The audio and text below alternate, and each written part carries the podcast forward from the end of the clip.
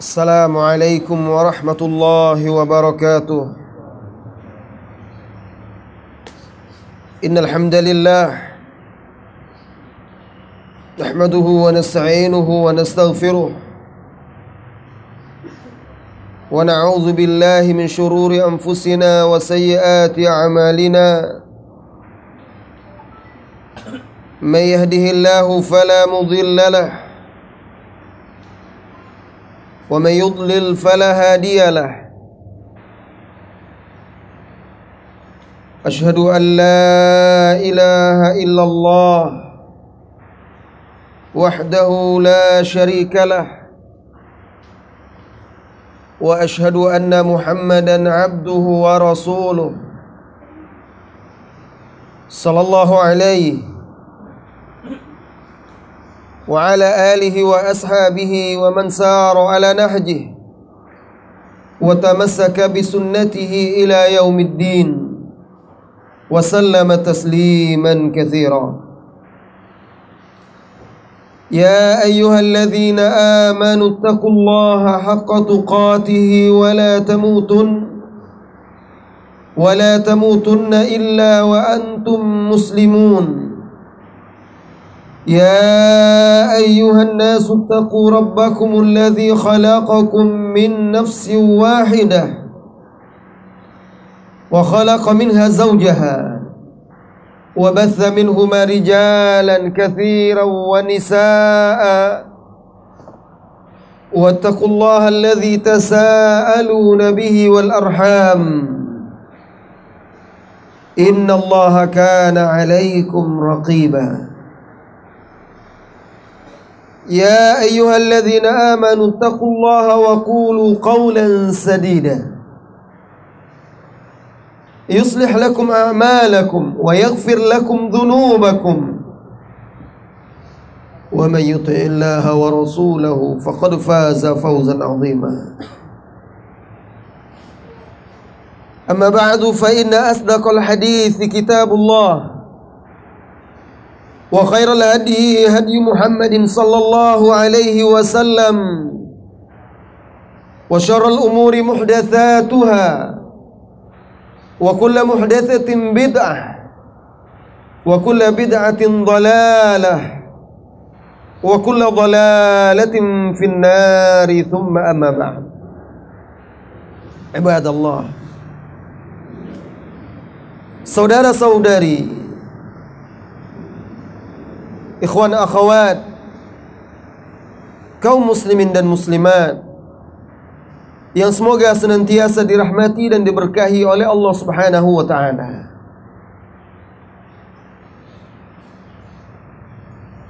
Kisah cinta paling indah. Itulah pembicaraan kita pagi menjelang siang ini.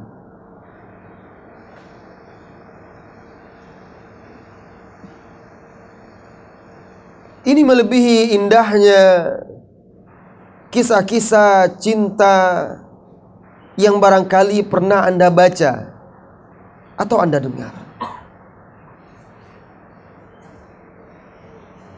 Kisah cinta yang jauh lebih indah daripada kisah Laila dan Majnun.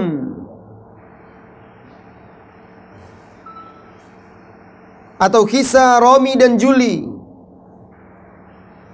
atau Zainuddin dan Nurhayati. Kenapa? Karena kisah-kisah tersebut tidak berakhir dalam ikatan pernikahan yang suci. Kalaupun ada landasannya adalah hawa nafsu semata syahwat.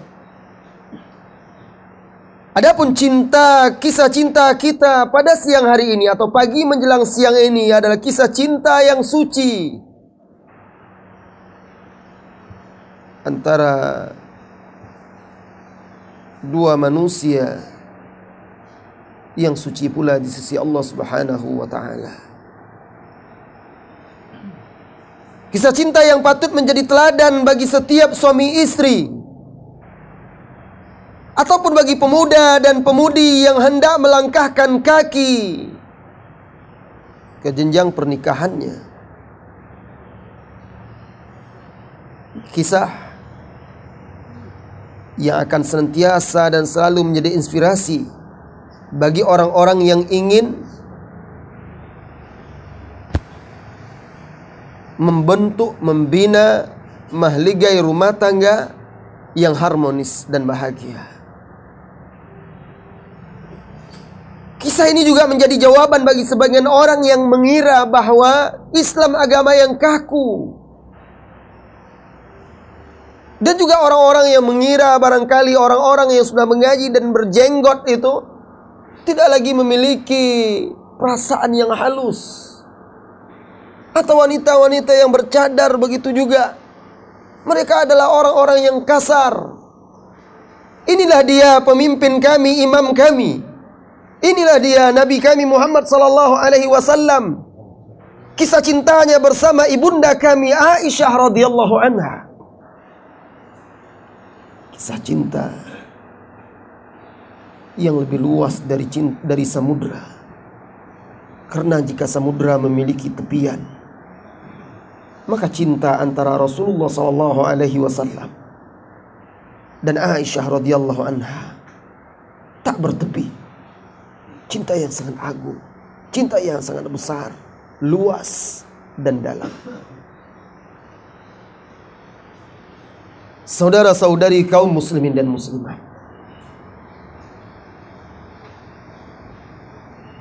Materi ini yang dimintakan oleh panitia kepada saya untuk menyampaikannya dulu tahun 2005 atau 2006 pernah saya sampaikan. Dan materi ini saya sampaikan dari jam 8 sampai zuhur. Kalau kita mulai dari sekarang sampai jam 11.30 berarti itu sudah kita press. Kita pilih saja beberapa kisah-kisah yang barangkali bisa mewakili. Karena kalau di sana di Pekanbaru kajian saya mulai jam 7.30 atau jam 8. Ya. Semakin pagi kita mulai semakin bersemangat. Kalau sudah agak siang sudah mulai ngantuk, letih dan lelah.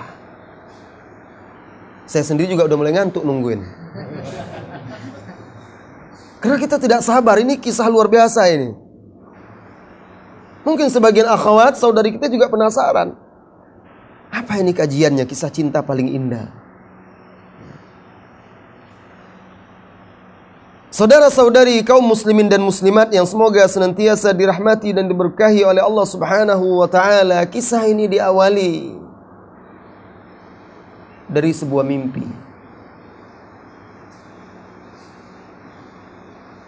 Tatkala Khadijah radhiyallahu anha wafat. Rasulullah sallallahu alaihi wasallam hidup seorang diri. Putrinya sudah menikah. Sehingga tidak ada lagi yang mengurus dia, mendampingi dia. Sebagai seorang istri. Maka datanglah beberapa orang wanita mukminah menemui Rasulullah sallallahu alaihi wasallam menawarkan kepada Rasulullah sallallahu alaihi wasallam agar menikah. Ya Rasulullah, ana tatazawwaj. Wahai Rasulullah, kenapa engkau tidak menikah lagi? Rasulullah sallallahu alaihi wasallam sibuk berdakwah, mengajarkan agama ketika itu di Mekah. Rasulullah sallallahu alaihi wasallam balik bertanya, "Menikah dengan siapa?" Maka wanita itu berkata, "Jika engkau mau, ada janda dan juga ada gadis." Siapa janda yang engkau maksud? Dan siapa gadis yang engkau maksud? Amma Thayyib Fasaudah binti Zum'ah atau Zam'ah radhiyallahu anha. Adapun yang janda adalah Saudah Dia seorang wanita mulia di tengah kaumnya. Sedangkan gadis adalah putri sahabatmu. Aisyah radhiyallahu anha. Ini awalnya. Kemudian Rasulullah sallallahu alaihi wasallam menikah dengan Saudah. Dia memilih waktu itu menikah dengan Saudah.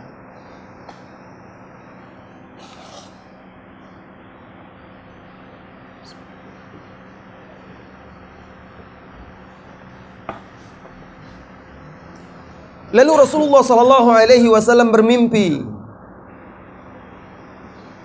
Dalam mimpinya Jibril mendatangi bersama malaikat yang yang memikul tandu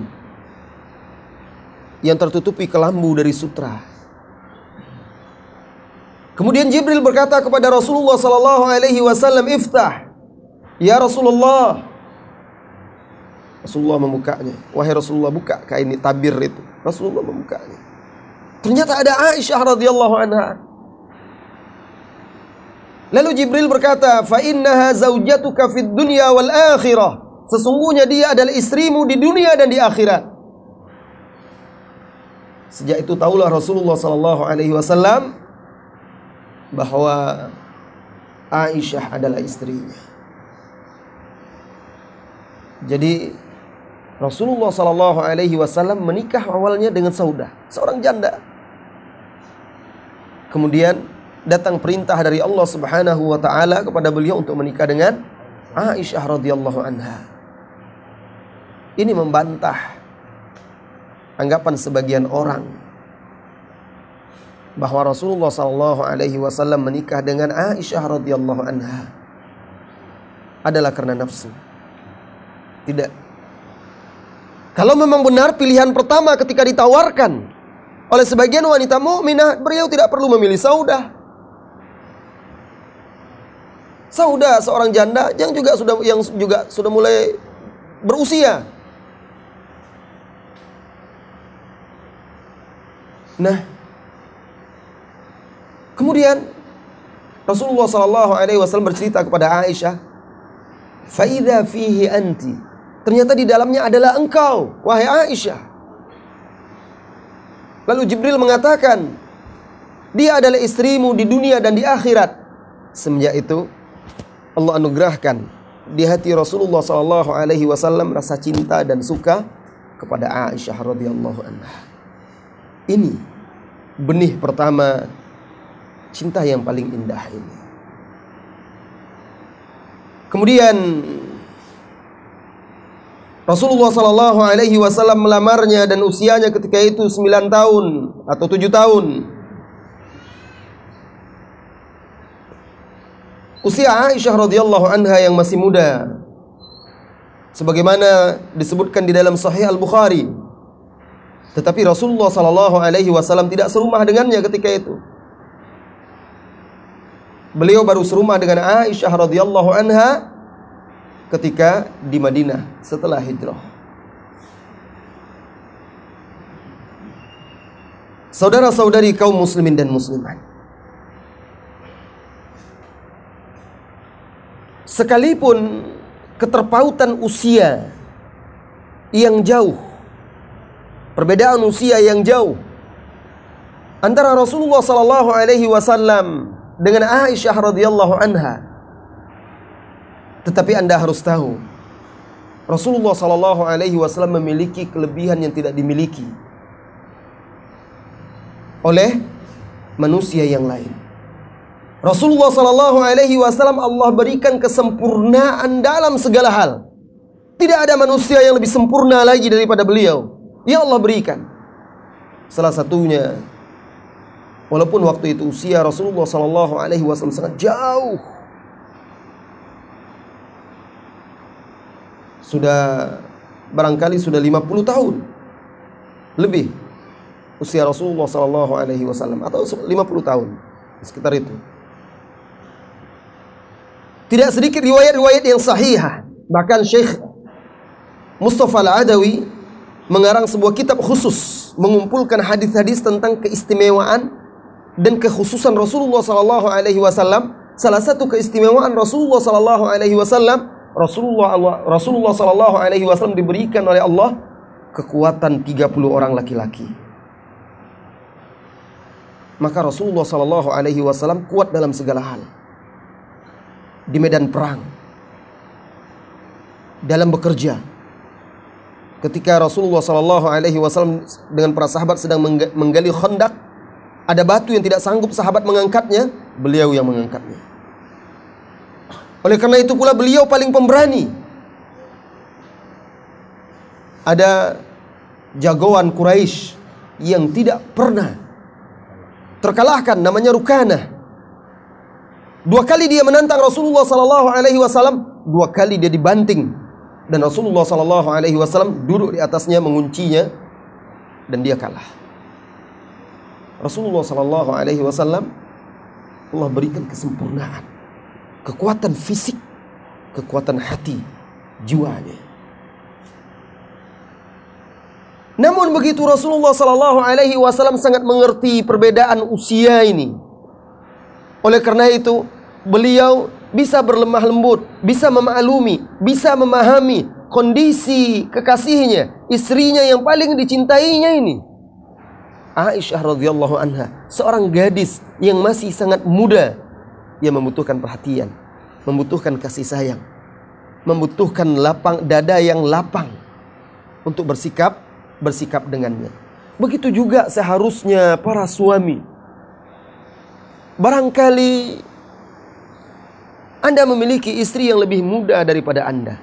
Bahkan sekalipun istri Anda barangkali lebih tua daripada Anda. Pernikahan, cinta terkadang membuat seseorang itu menjadi kecil seperti anak-anak. Maka harus di sini harus harus ada perhatian, harus ada kasih sayang, harus ada dada yang lapang untuk setiap sikap tindak tanduk dan perilaku pasangan.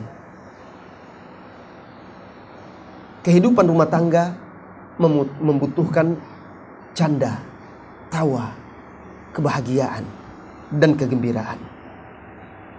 Rasulullah Shallallahu Alaihi Wasallam memahami. Oleh karena itu beliau membawa istrinya Aisyah radhiyallahu anha untuk bersenang. Di antara kisah atau riwayat yang menceritakan ini adalah Nabi Shallallahu Alaihi Wasallam membawa Aisyah radhiyallahu anha berlomba pacu lari. Jadi beliau ketika itu dalam perjalanan bersama pasukannya. Rasulullah perintahkan pasukannya jalan duluan, jalan. Suruhnya jalan dulu. Ketika mereka sudah jauh, tinggal dia dengan Aisyah radhiyallahu anha. Maka Rasulullah Shallallahu alaihi wasallam mengajak Aisyah untuk tanding lari, pacu lari. Ketika itu kata Aisyah radhiyallahu anha, Aisyah menceritakan itu dengan gembira, menjadi kenangan yang sangat indah. Setelah Rasulullah sallallahu alaihi wasallam wafat, tidak pernah beliau lupakan. Maka Rasulullah sallallahu alaihi wasallam memerintahkan pasukannya maju. Setelah jauh, Rasulullah mengajak Aisyah untuk bertanding. Apa kata Aisyah? Sabaqani Rasulullah sallallahu alaihi wasallam fasabaqtuhu. Wadhalika qabla an ahmil laham. Aku berpacu dengan Rasulullah sallallahu alaihi wasallam berlari dan aku mengalahkannya. Ketika itu aku belum gemuk. Aku masih ramping. Perhatikan, Apakah mungkin Rasulullah Shallallahu Alaihi Wasallam kalah dari Aisyah radhiyallahu anha seorang wanita, sementara Rasulullah Shallallahu Alaihi Wasallam memiliki kekuatan keperkasaan 30 orang pria. Apakah mungkin? Rasanya kan tidak mungkin. Tetapi kenapa di sini Aisyah mengatakan, aku mengalahkannya? Rasulullah Shallallahu Alaihi Wasallam sebenarnya tujuannya adalah ingin membuat istrinya senang, ingin membuat istrinya bahagia. Maka wahai saudara-saudari kaum muslimin dan muslimat, terkadang Anda sekian, sekian lama berumah tangga, muncul kejenuhan dengan rutinitas-rutinitas Anda, Anda berdua. Ada rasa jenuh, ada rasa bosan. cinta antara Anda butuh penyegaran. Teladani Rasulullah Sallallahu Alaihi Wasallam. Apakah pernah Anda pergi membawa istri Anda berolahraga, jalan-jalan, berdua, seperti Rasulullah Sallallahu Alaihi Wasallam lakukan? Cari tempat yang aman, cari tempat yang tenang. Di waktu-waktu Anda bisa nyaman berdua, cobalah keluar. Bergembira seperti Rasulullah Sallallahu Alaihi Wasallam. Lihat, itu bukan suatu hal yang tabu di dalam Islam. Bahkan sang suami hendaknya membuat istrinya senang dan bahagia walaupun dia mengalah. Seperti yang dilakukan oleh Rasulullah Sallallahu Alaihi Wasallam. Sengaja dia kalah dari Aisyah radhiyallahu anha. Ini adalah cara Rasulullah sallallahu alaihi wasallam untuk membahagiakan istrinya. Yang menarik lagi wahai saudariku, wahai saudaraku. Setelah itu berjalan lama beberapa waktu, Aisyah mulai gemuk. Dan dia pun sudah lupa. Dulu mereka pernah berlomba ini. Ada sebuah momen yang mirip dengan itu lagi. Rasulullah Shallallahu Alaihi Wasallam berkesempatan membawa Aisyah. Rasulullah Shallallahu Alaihi Wasallam ingin menyegarkan kembali memori dulu, memori cinta mereka. Rasulullah perintahkan pasukannya maju, tinggal mereka berdua lagi. Rasulullah Shallallahu Alaihi Wasallam mengajak kembali Aisyah untuk pacu lari, pacuan. Maka berpaculah keduanya Rasulullah Shallallahu Alaihi Wasallam mengalahkan Aisyah radhiyallahu anha. Rasulullah tertawa-tawa. Lalu Rasulullah berkata kepada Aisyah, satu sama ini dengan yang dulu itu. Ya, candaan Rasulullah Shallallahu Alaihi Wasallam. Aisyah mengatakan ketika itu karena dia sudah gemuk. Alasannya. Apa faedahnya? Anda terkadang butuh untuk mengingatkan lagi hari-hari Anda yang telah lalu. Saat-saat Anda dulu berbulan madu misalnya. Saat dahulu ada momen-momen kesempatan indah dalam kehidupan Anda bersama istri Anda. Cobalah untuk membangkitkan kembali kenangan itu. Sehingga membuat hubungan yang terkadang sudah mulai kaku, yang sudah mulai dingin, bisa mencair kembali, bisa hangat. Sehingga cinta yang sudah mulai layu itu kembali bersemi indah.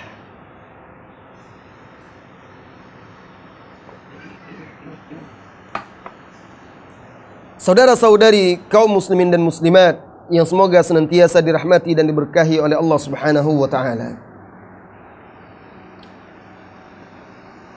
Dalam perang Uhud bukan perang Uhud, dalam salah satu perang Rasulullah sallallahu alaihi wasallam Aisyah ikut serta. Lalu Rasulullah sallallahu alaihi wasallam singgah di sebuah tempat untuk bermalam. Membangun tenda. Dan pasukannya juga. Afwan Ustaz. Membangun tenda. Berkem, beristirahat di situ. Lalu kalung Aisyah radhiyallahu anha hilang. Ketika mereka sudah berangkat, berjalan bergerak lagi pasukan keesokan harinya. Aisyah radhiyallahu anha ingat kalungnya hilang. Dan disampaikan kepada Rasulullah sallallahu alaihi wasallam. Maka Rasulullah sallallahu alaihi wasallam menghentikan pasukan. Kembali lagi untuk mencari kalung tersebut. Kalung Aisyah radhiyallahu anha.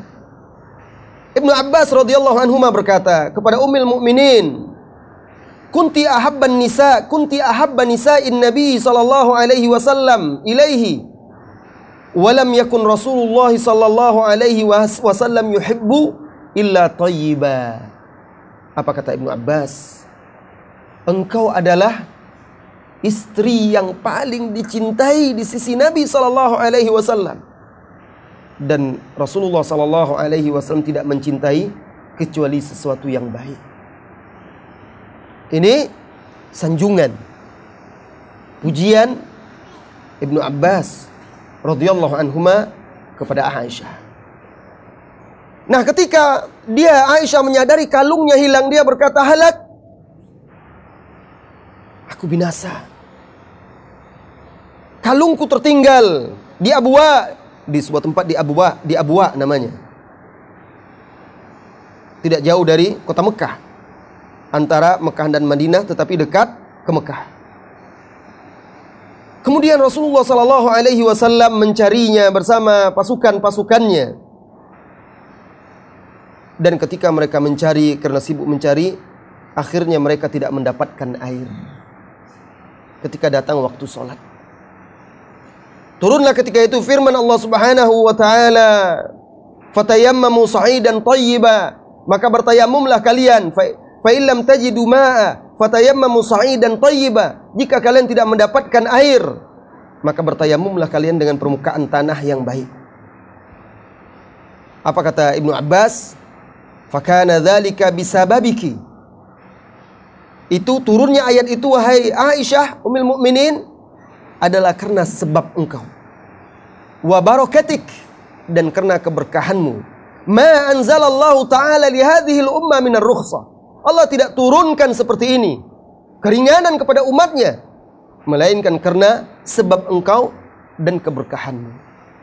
Allahu akbar. Nah, di sini lihat perhatian Rasulullah Sallallahu Alaihi Wasallam. Tidak ada satu riwayat itu yang menyebutkan Rasulullah marah kepada Aisyah yang menyebabkan terhalangnya pasukan itu. Mengomel-ngomel kepada Aisyah radhiyallahu anha tidak ada. Oh, kalungnya hilang bukan disengaja dia. Lihat bagaimana kita para suami di zaman sekarang. Sedikit saja kesalahan istri kita mengomel, mendongkol, kadang mengeluarkan kata-kata yang melukai pasangan kita. Yang terkadang itu bukanlah sebuah kesalahan yang disengaja. Tapi Rasulullah Sallallahu Alaihi Wasallam tetap menjaga perasaan istrinya yang dicintainya ini. Cinta wahai saudariku, wahai saudaraku.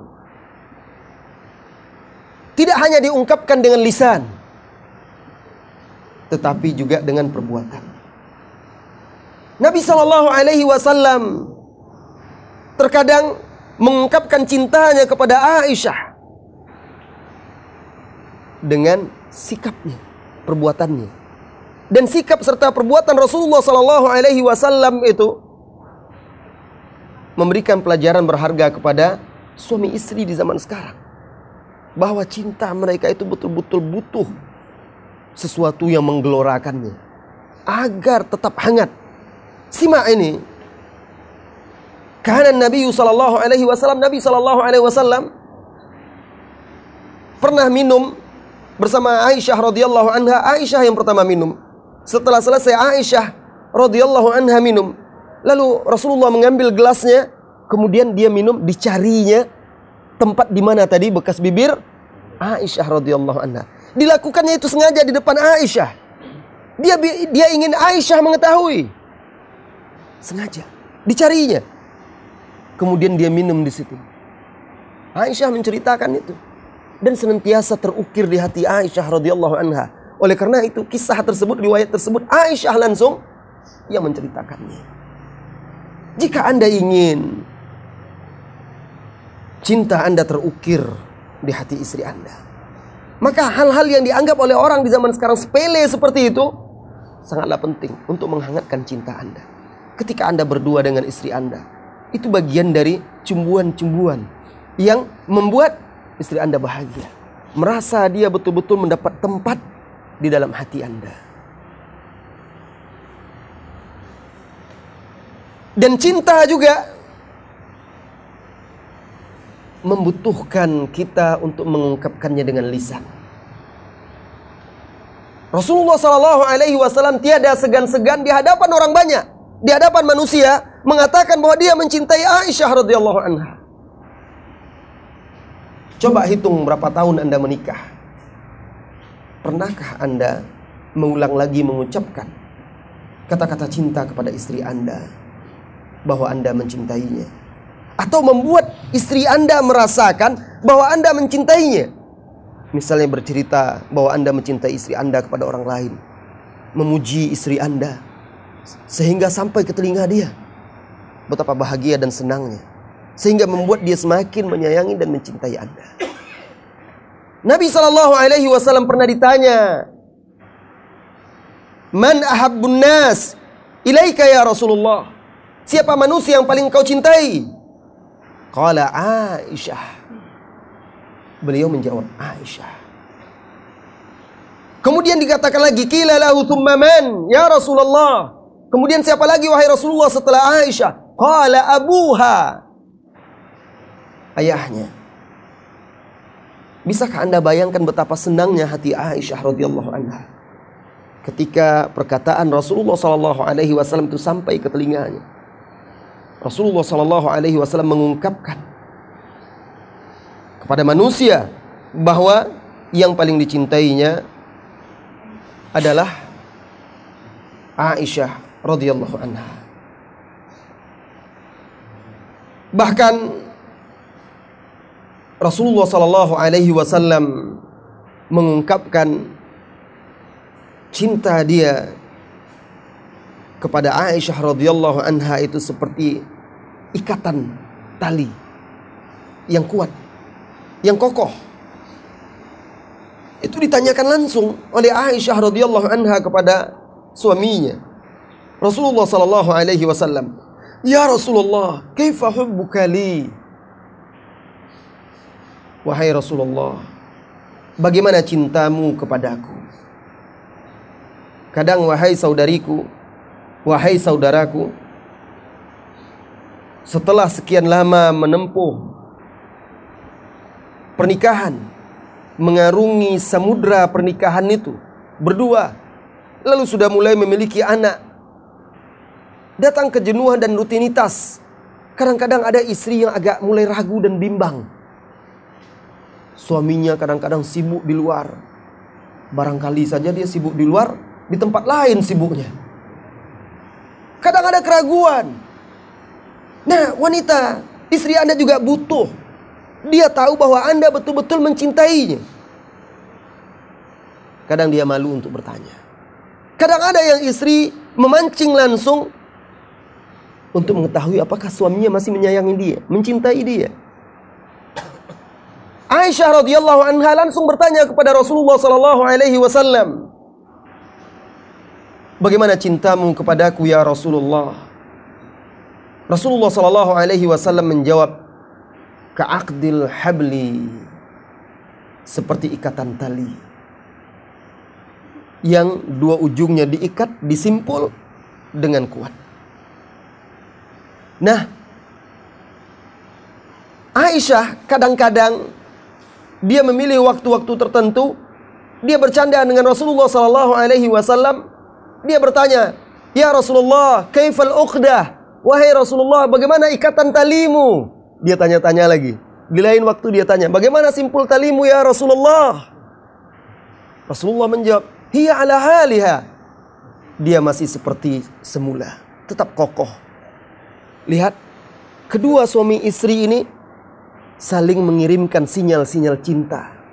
Sehingga kehidupan mereka indah terus. Cinta mereka tidak pernah redup, tidak pernah layu, selalu bersemi, selalu hangat, selalu bercahaya, bersinar. Saudara-saudari kaum muslimin dan muslimat yang semoga senantiasa dirahmati dan diberkahi oleh Allah Subhanahu wa taala.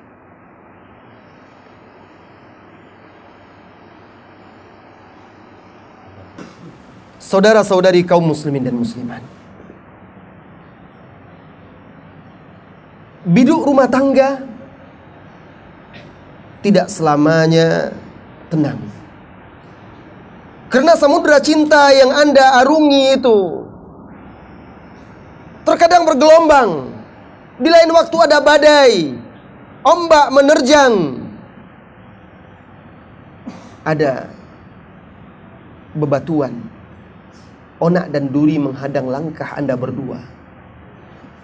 Terkadang terjadi pertengkaran di antara Anda dengan istri Anda. Nah, lihatlah bagaimana rumah tangga Rasulullah Sallallahu Alaihi Wasallam, rumah tangga yang harmonis, rumah tangga yang bahagia, yang sakinah kata orang mawaddah warahmah itu bukanlah rumah tangga yang tidak ada problema sama sekali. Bukanlah rumah tangga yang tidak ada permasalahan, tidak ada perselisihan antara suami istri. Rasulullah Shallallahu Alaihi Wasallam manusia paling mulia, istrinya juga manusia mulia, tetapi sebagai manusia perselisihan di dalam rumah tangganya tetap ada. Bahkan Allah menghendaki itu menjadi teladan bagi kita. Bagaimana mensikapi perselisihan di rumah tangga, keretakan yang terjadi. Pernah bertengkar Rasulullah Sallallahu Alaihi Wasallam dengan Aisyah radhiyallahu anha. Berselisih sampai-sampai Rasulullah Sallallahu Alaihi Wasallam harus memanggil Abu Bakar, mertuanya, untuk menyelesaikan permasalahan ini. Dan kisah itu ada di dalam Sahih Bukhari. Datanglah Abu Bakar As-Siddiq radhiyallahu anhu ke rumah Rasulullah sallallahu alaihi wasallam. Datang. Lihatlah Rasulullah sallallahu alaihi wasallam. Bagaimana hikmahnya beliau menyelesaikan masalah. Beliau adalah seorang nabi. Beliau adalah pemimpin. Dan beliau bisa memutuskan. Tetapi dia ingin menghargai istrinya. Dia ingin membesarkan hati istrinya. Dipanggilkan ayahnya. Sementara Rasulullah seorang diri, tidak ada walinya atau yang mewakilinya datang. Setelah datang Abu Bakar, Rasulullah Shallallahu Alaihi Wasallam berkata kepada Aisyah, "Takallami, bicaralah engkau wahai Aisyah." Bukan dia yang memulai berbicara. Bisa saja Rasulullah berkata, "Hei Abu Bakar, ajar anakmu ini." Bisa saja kan, mertuanya. Didik dia, bawa pulang didik dia ini, agar sopan kepada suami misalnya. Tidak Rasulullah tidak seperti itu. Bahkan Rasulullah berikan kesempatan kepada Aisyah dahulu untuk berbicara. Lalu berbicaralah Aisyah radhiyallahu anha marah kepada Rasulullah sallallahu alaihi wasallam suaranya meninggi. Melihat putrinya seperti itu bersikap kepada Rasulullah sallallahu alaihi wasallam, marahlah Abu Bakar falatamaha. Maka ditempelengnya Aisyah radhiyallahu anha, dipukulnya. Marah dia. Karena dilihatnya anaknya seperti itu kepada seorang nabi. Kepada Rasul. Walaupun suaminya tapi ini adalah nabi. Adalah Rasul. Alaihi salatu wassalam. Melihat ayahnya murka. Bahkan memukulnya Aisyah radhiyallahu anha ketakutan. Ke mana dia harus pergi lagi? Lari dia berlindung di punggung Rasulullah sallallahu alaihi wasallam. Berlindung meminta perlindungan kepada Rasulullah sallallahu alaihi wasallam. Lihat. Ketika itu Rasulullah jadi pahlawannya. Rasulullah Shallallahu Alaihi Wasallam berkata kepada Abu Bakar, bukan untuk ini kami memanggilmu wahai Abu Bakar. Mali hadza da'unaka ya Abu Bakrin. Bukan untuk ini kami memanggilmu ke sini. Akhirnya Rasulullah Shallallahu Alaihi Wasallam membela Aisyah di hadapan Abu Bakar. Lalu pergilah Abu Bakar. Setelah Abu Bakar pergi, Rasulullah Shallallahu Alaihi Wasallam berkata kepada Aisyah, lihatlah Bukankah aku telah membelamu, telah menolongmu? Maka ketika itu hilang pertengkaran mereka. Cair. Jadi ketika rumah tangga Anda sedang ribut, Anda sedang bertengkar berselisih, yang dibutuhkan itu kesabaran Anda, lapang dada. Agar emosi itu bisa reda. Ketika istri Anda marah, lalu Anda lawan pula dengan kekerasan dan kemarahan. Anda menganggap suami Anda, istri Anda sudah berani lancang. Ini kufur kepada suami ini. Suaranya lebih keras pula daripada saya. Anda lawan pula. Tidak akan menyelesaikan permasalahan. Rasulullah dengan kesabaran lapang dada dia. Akhirnya reda. Bahkan dia dapat kesempatan untuk bisa menjadi pahlawan bagi Aisyah. Rasulullah katakan, lihatlah, bukankah aku tadi membelamu? Lalu akhirnya mereka berdamai. Nah, setelah itu beberapa waktu berselang beberapa, beberapa waktu setelah itu Abu Bakar radhiyallahu anhu lewat. Terdengarlah dari rumah Rasulullah sallallahu alaihi wasallam cengkrama mereka. Rasulullah dan Aisyah saling tertawa. Akhirnya Abu Bakar datang lagi dan dia berkata, "Ya Rasulullah, masukkan aku dalam perdamaian kalian sebagaimana tadi kalian memasukkan melibatkan aku dalam pertengkaran kalian." Lihat indah dengan kesabaran, ketenangan, lapang dada, masalah bisa diselesaikan.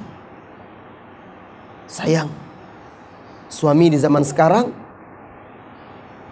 tidak sedikit mereka yang lebih mengedepankan emosi mereka daripada akal sehat mereka. Padahal yang membedakan mereka dengan wanita di situ yang menggunakan emosi itu yang dominan menggunakan emosi adalah wanita. Karena itu disebut wanita itu naqisatul aqli. Orang yang kurang akal. Dia lebih, lebih kalah oleh emosi mereka.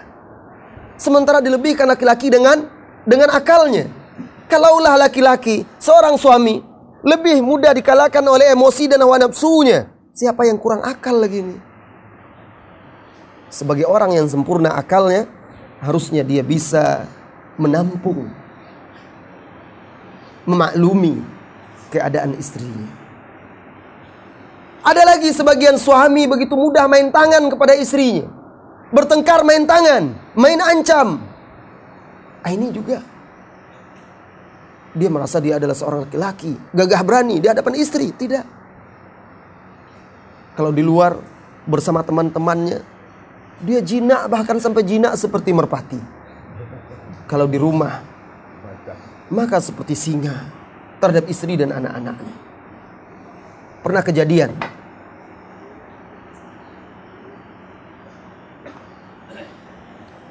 Datang sepasang suami istri dan anak-anaknya menemui kami. Lalu mereka mengutarakan niat ingin minta dirukyah. Suami ini mengatakan istrinya sudah bertahun-tahun sakit. Lebih tiga tahun sakit. Sudah berobat ke banyak tempat. Tolonglah Pak Ustadz dirukyah. Kan lagi tren rukyah. Saya tanya waktu itu. Ibu sakitnya apa? Yang menjawab selalu suaminya. Tidak tidak diberi kesempatan istrinya bicara. Nah, kata suaminya, suaminya bertugas di bagian reskrim. Nah, iya, tukang hajar penjahat, ya kan? Jadi dia cerita, istri saya ini Pak Ustadz, katanya kata orang-orang ini dibuat oleh orang ini. Saya ini kan banyak musuh, banyak lawan. Sakitnya apa? Sudah lebih tiga tahun dia tidak pernah bisa tidur malam. Kalau malam itu gelisah dan tiba-tiba menangis saja. Air mata itu keluar aja sampai pagi. Kadang siang pun menangis, tidak bisa dia bendung. Sudah bertahun-tahun seperti itu.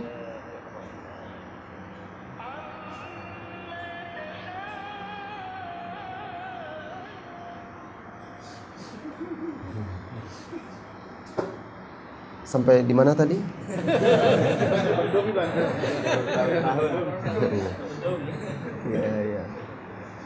Iya. Air matanya tidak bisa dibendung. Setelah saya tanya-tanya, saya pancing dan saya lihat tidak ada tanda-tanda istrinya ini dapat gangguan sihir. Guna-guna atau dibuat orang seperti yang dia sangkakan. Akhirnya kami, saya dan ada beberapa orang teman waktu itu yang mendampingi, itu di musola.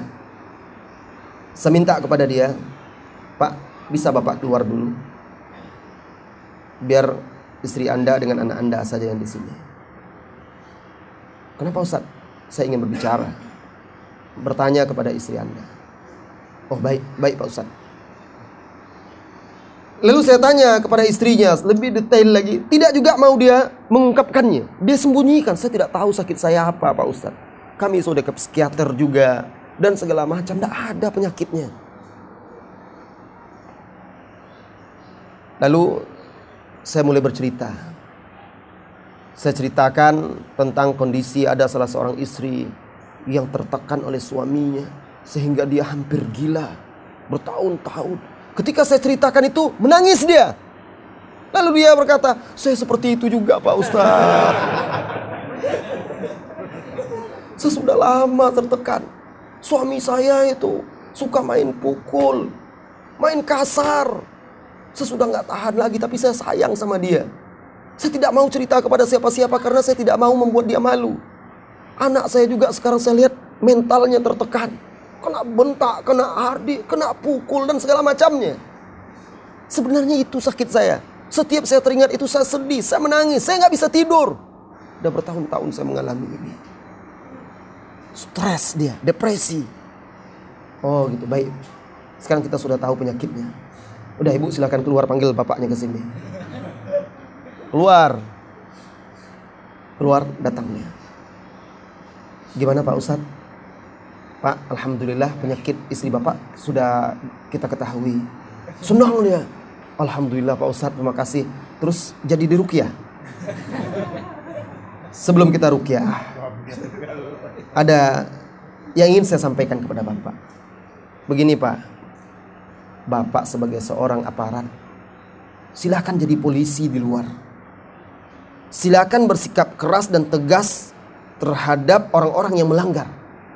Jadilah polisi yang sesungguhnya kita ketika Bapak bertugas. Tapi ketika bapak di rumah jadi seorang suami, jadi seorang ayah, jangan jadi polisi pula di dalam rumah. Sana sehati. Jangan jadikan rumah Anda seperti camp militer. Istri Anda butuh kasih sayang. Anda bersyukur istri Anda sangat mencintai, menghargai dan menghormati Anda. Dia rela dirinya sakit, tertekan demi Anda. Karena dia tidak mau menjatuhkan Anda. Tidak mau membuat Anda malu dia tanggung itu sendiri. Bapak tahu sudah bertahun-tahun dia itu stres, depresi. Kalau terus begini dia bisa gila ini. Nggak ada lagi obatnya nanti. Oh gitu ya Ustaz ya? Iya. Cuma dia malu bercerita. Akhirnya dia tertunduk, diberi nasihat. Baru dia mau mengakui. Ya Ustaz, itu mungkin kesalahan saya selama ini.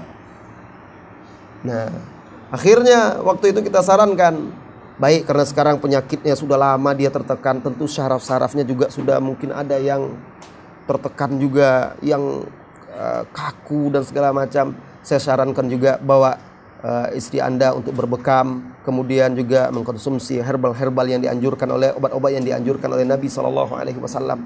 Beli di tempat ini, tempat ini. Rupanya ketika dia beli di tempat-tempat itu, dia cerita kepada ikhwan-ikhwan yang menjual itu. Wah, Pak Ustadz itu tinggi ilmunya. Tahu dia. Lain pula keyakinannya. Belum saya cerita dia udah tahu rupanya masalah. Kesimpulannya, istri Anda membutuhkan kelembutan dari Anda. Lihatlah Rasulullah Sallallahu Alaihi Wasallam betapapun sikap Aisyah radhiyallahu anha ketika bertengkar yang suaranya lebih keras, Rasulullah Shallallahu Alaihi Wasallam tahu wanita itu diciptakan dari tulang rusuk yang bengkok. Anda tidak akan mungkin bisa meluruskannya seperti yang Anda kira. Anda paksakan. Kalau Anda paksakan dia patah. Dan Anda pun tidak boleh membiarkannya. Anda harus pandai, lihai untuk menaklukkan hati seorang wanita itu. Juga di dalam riwayat yang dilemahkan oleh sebagian ulama, Rasulullah Shallallahu Alaihi Wasallam juga mengumpamakan wanita itu seperti botol kaca. Rasulullah Shallallahu Alaihi Wasallam mengatakan, rifqan bil qawarir. Berlaku lembutlah terhadap wanita yang seperti botol, botol kaca. Botol kaca kan mudah pecah. Jatuh dia pecah. Kalau sudah pecah sulit bagi Anda untuk memperbaikinya. Sekali hatinya terluka, maka sulit untuk mengobatinya. Maka teladani sikap Rasulullah Sallallahu Alaihi Wasallam dalam menghadapi kemarahan istrinya Aisyah radhiyallahu anha.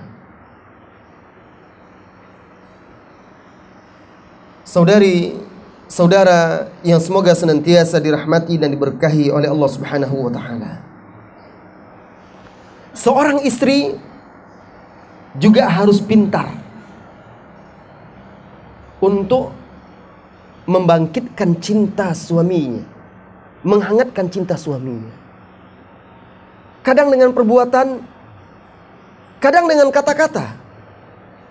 Seperti halnya Aisyah radhiyallahu anha. Aisyah jika dia memiliki kesempatan yang tepat beliau akan membuat Rasulullah Shallallahu Alaihi Wasallam terpancing untuk mengungkapkan cintanya yang besar kepada istrinya. Di dalam hadis Bukhari, Aisyah radhiyallahu anha berkata kepada Rasulullah Shallallahu Alaihi Wasallam, Ya Rasulullah, Ara'aita law nazalta wadiyan wa fihi syajarah qad ukila minha wa wajadta syajarah lam yu'kal minha fi ayyiha kunta tarta fi ayyiha kunta tarta'u ba'iraka Qala fil ladzi lam yarta' minha. Apa kata Aisyah? Wahai Rasulullah, jika misalnya engkau melewati suatu lembah. Di sana ada pepohonan yang sudah dimakan oleh hewan-hewan ternak. Lalu ada satu pohon yang belum disentuh oleh hewan ternak. Maka di pohon mana engkau mengarahkan ternakmu, ontamu untuk makan. Apa kata Rasulullah Sallallahu Alaihi Wasallam? Tentu di pohon yang dedaunannya belum disentuh, belum dimakan oleh onta-onta yang lainnya. Maka tersenyum Aisyah dan Rasulullah paham apa ini maksudnya. Yang dimaksud oleh Aisyah radhiyallahu anha untuk menampakkan diri dia kepada Rasulullah Sallallahu Alaihi Wasallam.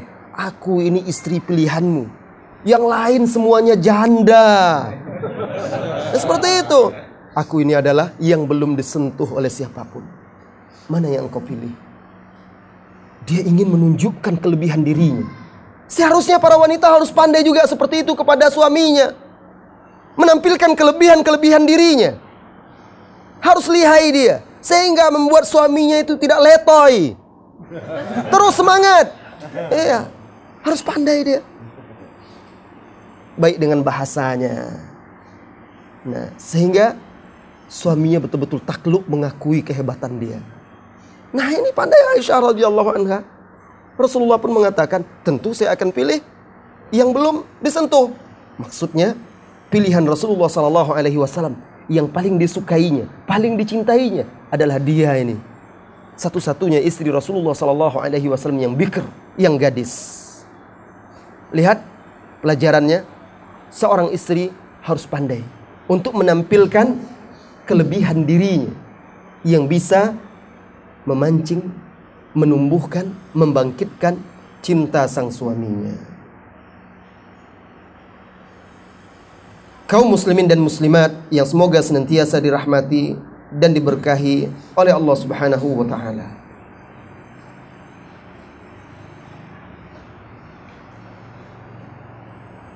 Rasulullah Sallallahu Alaihi Wasallam menyempatkan waktunya untuk berjalan membawa istrinya. Bahkan kalau beliau diundang oleh salah seorang sahabatnya, dia tidak pergi sendirian atau cari teman lain. Beliau juga kadang membawa istrinya. Pernah salah seorang sahabat Nabi Shallallahu Alaihi Wasallam, tetangga beliau, dalam beberapa riwayat disebutkan Salman Al-Farisi radhiyallahu anhu membuat masakan. Lalu dia datang menemui Rasulullah sallallahu alaihi wasallam mengundang Rasulullah sallallahu alaihi wasallam makan. Waktu itu Rasulullah bersama Aisyah. Wahai Rasulullah, saya membuat masakan untukmu dan saya mengundangmu untuk datang ke rumahku makan. Rasulullah sallallahu alaihi wasallam menunjuk memberi isyarat kepada Aisyah. Wahadihi dan ini bagaimana? Diundang juga enggak? Nah, istrinya. Sahabat ini mengatakan tidak, hanya engkau ya Rasulullah. Kalau begitu saya tidak pergi. Lihat. Dia ingin menyenangkan istrinya. Anda barangkali entah entah berapa kali dalam seminggu diundang oleh teman-teman Anda pergi makan-makan yang enak. Kalau diundang hanya mengajak teman-temannya saja. Kapan Anda mengajak istri Anda diundang teman Anda makan yang enak? Paling-paling Anda kirimkan gambar saja kepada istri Anda di WhatsApp kan? Kirimkan. Istrinya cuma dapat gambar saja. Anda yang menikmati. Kan sering saya lihat itu Ikhwan Iwan melakukan itu kalau makan fotonya kirim pulang. Iya. Rasulullah Shallallahu Alaihi Wasallam seperti itu. Akhirnya balik sahabat ini, lalu datang lagi, ya Rasulullah, ayo saya mengundangmu. Wahadi, gimana nih satu ini? Enggak, sampai tiga kali. Akhirnya sahabat ini terpaksa mengatakan, silakan bawa dia. Akhirnya Rasulullah Shallallahu Alaihi Wasallam berdiri dengan Aisyah mereka saling dorong dorongan duluan, ayo duluan, duluan, saling dorong dorongan sampai ke rumah sahabat tersebut sambil tertawa Rasulullah menyenangkan istrinya. Subhanallah. Indahnya, bahagianya. Jangan Anda bilang, ya gimana Ustadz kami ini sudah 40 tahun menikah, sudah sepuh, sudah abah. Eh, umur Rasulullah Sallallahu Alaihi Wasallam berapa ketika itu? Sudah tua. Tetapi Rasulullah Sallallahu Alaihi Wasallam bisa mengikuti Aisyah radhiyallahu anha karena cinta tidak mengenal usia. Iya, bahkan seharusnya semakin tua, semakin matang cinta tersebut. Semakin masak dia. Tentu semakin indah. Bunga dia semakin bersemi, semakin mekar, semakin cantik, semakin indah. Seharusnya seperti itu juga. Nah, sempatkan waktu Anda untuk membawa istri Anda pergi. Makan, memenuhi undangan, ini akan menyenangkan dirinya. Sehingga Anda tidak sibuk dengan urusan Anda, dengan teman-teman Anda saja. Saudara-saudari kaum muslimin dan muslimat yang semoga senantiasa dirahmati dan diberkahi oleh Allah Subhanahu wa taala. Di lain waktu Rasulullah Shallallahu Alaihi Wasallam menyempatkan dirinya membawa Aisyah radhiyallahu anha jalan-jalan malam hari jalan kaki di kota Madinah. Dibawanya jalan, jalan berdua.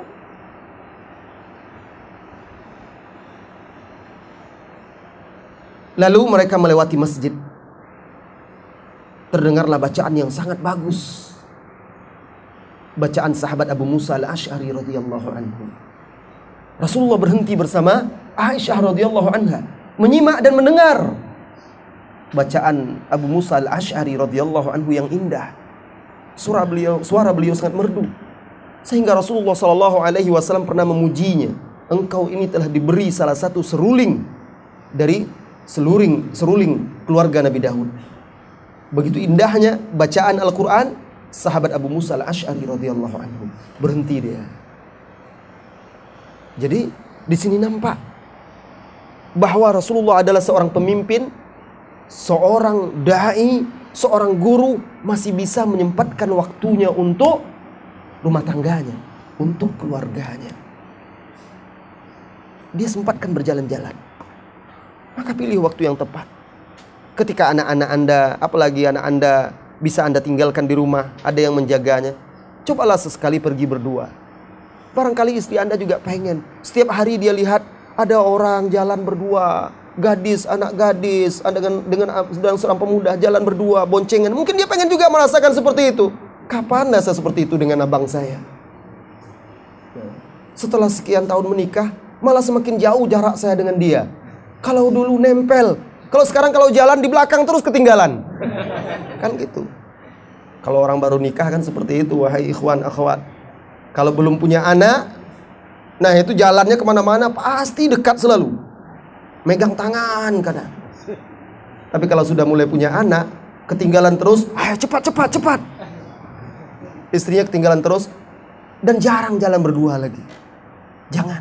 Ini akan membuat nanti cinta itu layu. Dan akhirnya ketika terjadi suatu masalah, masalah itu cepat membesar. Karena cinta itu telah layu tidak memiliki lagi kekuatan. Saudara-saudari kaum muslimin dan muslimat. Untuk menyenangkan keluarga, menyenangkan istri, maka boleh Anda pergi ke tempat-tempat yang yang mubah atau menyaksikan permainan-permainan yang mubah yang membuat istri Anda menjadi senang. Seperti yang dilakukan oleh Rasulullah sallallahu alaihi wasallam kepada Aisyah di hari raya, di hari Aid. Karena hari raya adalah saatnya bersenang. Beri kesempatan kepada saudara Anda, kepada kepada istri Anda, kepada anak Anda, kepada keluarga Anda untuk bahagia di hari itu, bersenang. Rasulullah sallallahu alaihi wasallam mengajak Aisyah radhiyallahu anha untuk menyaksikan orang-orang yang sedang bermain pedang di masjid. Rasulullah Shallallahu Alaihi Wasallam bertanya kepada Aisyah, apakah engkau ingin menyaksikan itu? Aisyah radhiyallahu anha mengangguk. Lalu diajaknya Aisyah berdiri di, pintu, karena pintu mereka kan langsung dengan masjid. Ya, gabung dengan masjid. Nah, ketika itu orang-orang Habasyah lagi bermain pedang. Main pedang. Satu dengan yang lainnya. Maka Rasulullah Shallallahu wasallam dengan Aisyah nonton. Aisyah berdiri di belakang lalu meletakkan dagunya di pundak Rasulullah sallallahu alaihi wasallam. Subhanallah. Alangkah indahnya. Anda dengan istri Anda apa pernah begitu? Anda lihat orang pacaran begitu, padahal harusnya Anda yang seperti itu. Sekarang orang pacaran seperti itu kan? Di mana-mana begitu nempel dengan dengan pacarnya yang tidak halal bagi dia. Setelah nikah malah susah seperti itu. Waktu kami tahun 94 kuliah di Libya, jadi kami dengan kawan-kawan waktu itu saya satu kos dengan Ustadz Badur Salam, Ustadz Irwandi. Waktu kami masih di Libya dengan Ustadz Abu Tohir. Kami satu kos waktu itu. Ada 10 orang.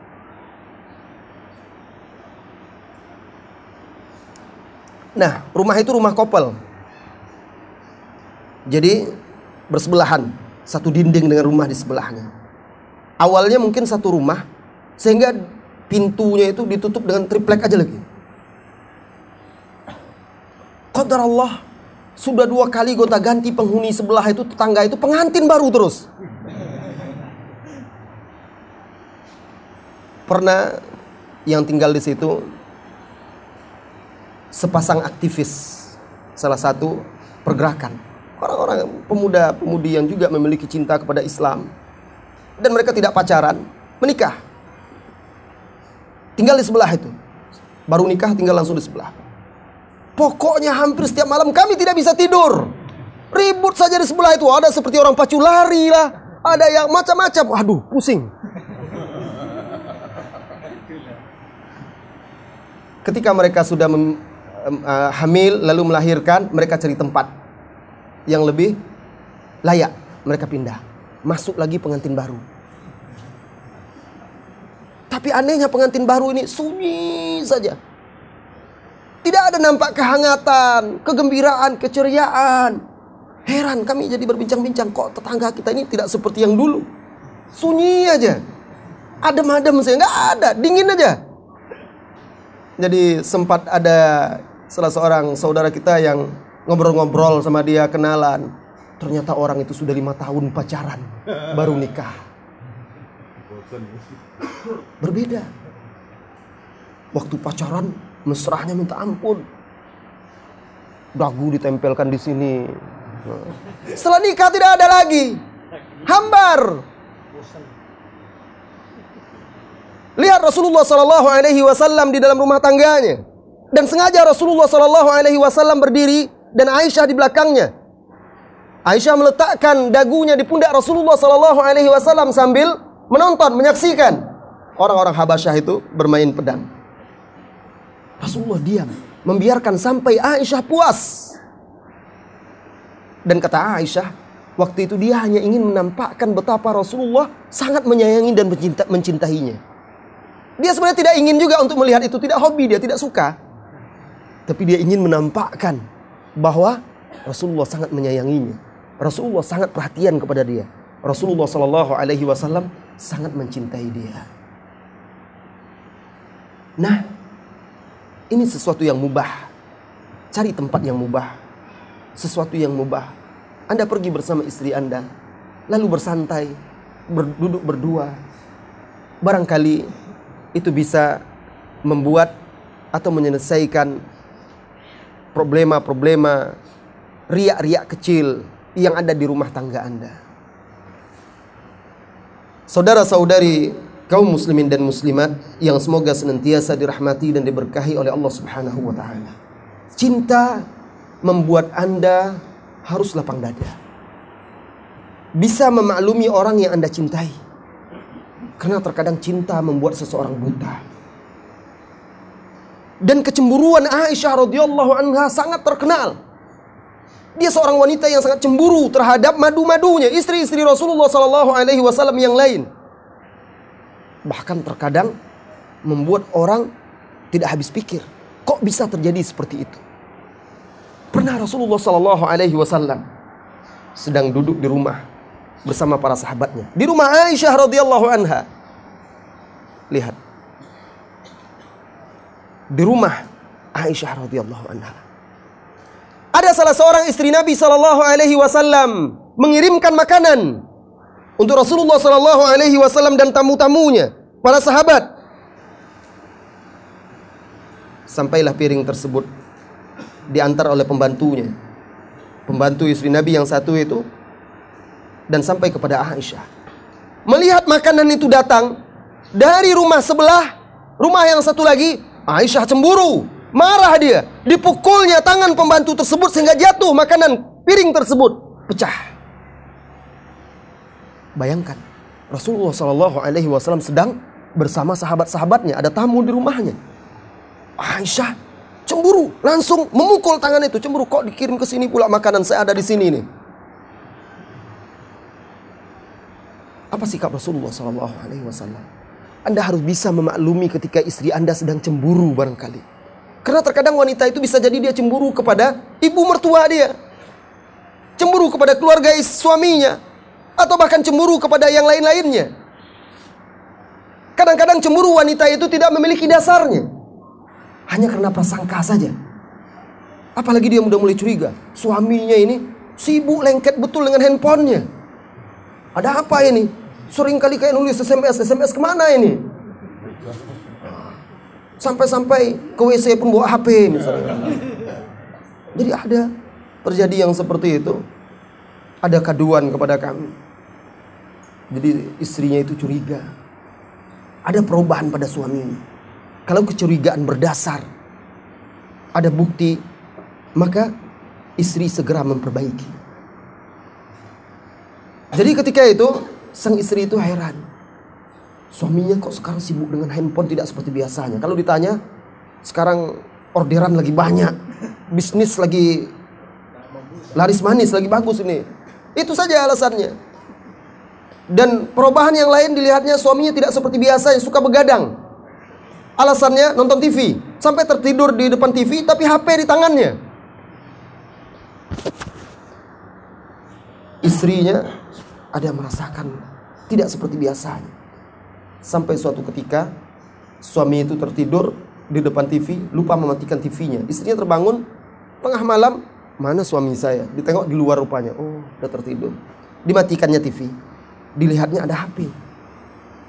Kemudian HP itu ada yang masuk pesan-pesan, pesan-pesan. Entah kenapa dibukanya, terbacalah semuanya. Terbongkarlah rahasia yang disimpan oleh suaminya. Akhirnya marah dia. Sang suami sudah mengaji, istri belum mengaji. Akhirnya itu menjadi senjata bagi istrinya. Seharusnya orang kalau sudah mengaji lebih bertakwa kepada Allah Azza wa Jalla daripada orang yang belum mengaji. Bagaimana dia akan mendakwahi istrinya, keluarganya kalau dia tidak mengamalkan ilmu? Akhirnya terjadi keributan. Hampir saja retak rumah tangga itu. Sudah saling ancam mengancam untuk cerai. Kasihan anak-anak yang sudah mulai menginjak, menginjak remaja. Perhatikan. Handphone terkadang bisa jadi menjadi istri kedua Anda. Jangan buat istri Anda cemburu dengan benda mati itu. Artinya, jangan habiskan waktu Anda untuk keluarga Anda berpindah kepada handphone itu. Ada waktunya dengan keluarga, ada waktunya juga kapan Anda harus menggunakannya. Nah, ketika istri Anda Anda dapati cemburu yang membuat dia melakukan perbuatan dan tidak tanduk yang di luar akal sehat, maka Anda harus bisa memakluminya. Begitulah kecemburuan wanita. Kalau saja ibunda kita Aisyah radhiyallahu anha bisa seperti itu, bagaimana dengan istri kita yang keimanannya sangat jauh? Anda harus bisa maklum. Lihat Rasulullah Sallallahu Alaihi Wasallam, apakah dia murka kepada Aisyah radhiyallahu anha? Merasa malu dia di depan manusia, di depan sahabat-sahabatnya, istrinya melakukan seperti itu. Kalau kita barangkali kita akan langsung masuk ke dalam menarik istri kita. Kowe ini malu-maluin aja. Ini depan orang ini. Mbok ya kalau marah nanti kayak gini begitu dan segala macam. Malu kita. Tapi Rasulullah Shallallahu Alaihi Wasallam dengan bercanda untuk mencairkan suasana, Rasulullah Shallallahu Alaihi Wasallam berkata kepada yang lain-lainnya, Gharrat ummukum. Ibu kalian sedang cemburu. Maklum aja. Sedang cemburu dia nih. Nah, udah, santai aja kan. Orang juga paham akhirnya. Oh, biasa. Dia sedang cemburu itu, maklum aja. Begitulah wanita. Harap maklumnya harus banyak sebagai suami. Lalu Rasulullah Shallallahu Alaihi Wasallam selesaikan permasalahan itu agar tidak melebar kepada istrinya yang lain. Ditahannya pembantu itu, jangan pulang dulu dicarinya ganti piring itu dengan piring yang sama. Lalu setelah itu, setelah dapat gantinya dan piring yang itu dibuang, disuruh pembantu itu pulang kembali membawa piring itu. Sehingga tidak terjadi pula ribut yang di sana. Nah, Rasulullah jaga itu. Lihat bagaimana bijaksananya Rasulullah Sallallahu Alaihi Wasallam menyelesaikan permasalahan dan tidak ada satupun riwayat sampai kepada kita menyebutkan Rasulullah mengungkit-ungkit masalah itu. Begitulah suami. Jangan ungkit-ungkit, suka mengungkit-ungkit kesalahan dan kekurangan sang istri. Tidak ada satupun hadis setelah sahabat pulang, tidak ada hadis menyebutkan setelah sahabat pulang, Rasulullah langsung memanggil Aisyah, "Ah, sini." Langsung ditatar gitu. Nggak ada. Nggak ada sampai kepada kita. Itu urusan rumah tangga, itu urusan kamar. Selesaikan di dalam. Tidak perlu ada orang lain yang tahu. saudara-saudari kaum muslimin dan muslimat yang semoga senantiasa dirahmati dan diberkahi oleh Allah Subhanahu wa taala. Kata-kata cinta, sikap dan perbuatan yang barangkali dianggap sepele itu adalah bumbu-bumbu yang semakin membuat manisnya cinta Anda. Rasulullah Shallallahu alaihi wasallam kalau dia keluar dari rumahnya walaupun mau pergi ke masjid, beliau sempatkan mengecup mencium istrinya. Anda pagi dan petang bekerja. Pergi begitu aja. Bu, pergi bu ya. Tidak ada. Tidak ada keindahannya. Yang istrinya sibuk pula di belakang. Ya ya udah pergi tidak apa-apa. Ah, biasanya tidak pamit. Aduh. Kadang-kadang orang menganggap sepele. Ah biasa kan sudah sama-sama tahu. Tapi karena kita menganggap itu sepele, akhirnya itu semakin menjadi kebiasaan dan semakin ada jurang. Ternyata Rasulullah Shallallahu Alaihi Wasallam seperti Aisyah bercerita kepada Urwah bin Zubair radhiyallahu anhuma karena Nabi sallallahu alaihi wasallam qama ila masjid kana Nabi sallallahu alaihi wasallam qabbala ba'd nisa'ihi thumma dhahaba thumma kharaja ila masjid wa lam adalah Nabi Shallallahu Alaihi Wasallam mencium salah seorang istrinya, lalu dia pergi ke masjid dan tidak berwudhu lagi. Arwah mengatakan, wahai bibi, saya tahu wanita itu istri istri beliau itu adalah engkau yang yang dimaksud adalah engkau. Rasul uh, Aisyah radhiyallahu anha hanya tersenyum. Memang dialah yang dimaksud itu. Nah begitulah. Anda pergi. Begitu wahai para wanita. Anda ketika suami Anda pergi, lepas kepergiannya. Sesibuk apa pun Anda mengurus anak dan segala macam, sempatkan untuk melepas kepergian suami Anda di pintu. Ingat, barangkali itu adalah kepergian dia yang selama-lamanya. Tidak akan pulang lagi. Nanti Anda menyesal. Nah, lepas kepergiannya, cium dia, boleh cium tangannya, boleh cium pipinya, boleh cium apa saja terserah kalian lah. Nah, jadi ternyata hal tersebut adalah sesuatu yang diajarkan oleh Nabi kita yang mulia. Dan bahkan kemesraan Rasulullah Shallallahu Alaihi Wasallam dengan istrinya tidak terbatas dalam kondisi dan keadaan duniawi saja. Bahkan juga kemesraan mereka juga sambil melaksanakan ibadah. Kadang Rasulullah Shallallahu Alaihi Wasallam meletakkan kepalanya di pangkuan Aisyah radhiyallahu anha dan Aisyah sedang haid. Rasulullah berbaring di pangkuannya. Meletakkan kepalanya di pangkuan Aisyah. Beliau membaca Al-Qur'an.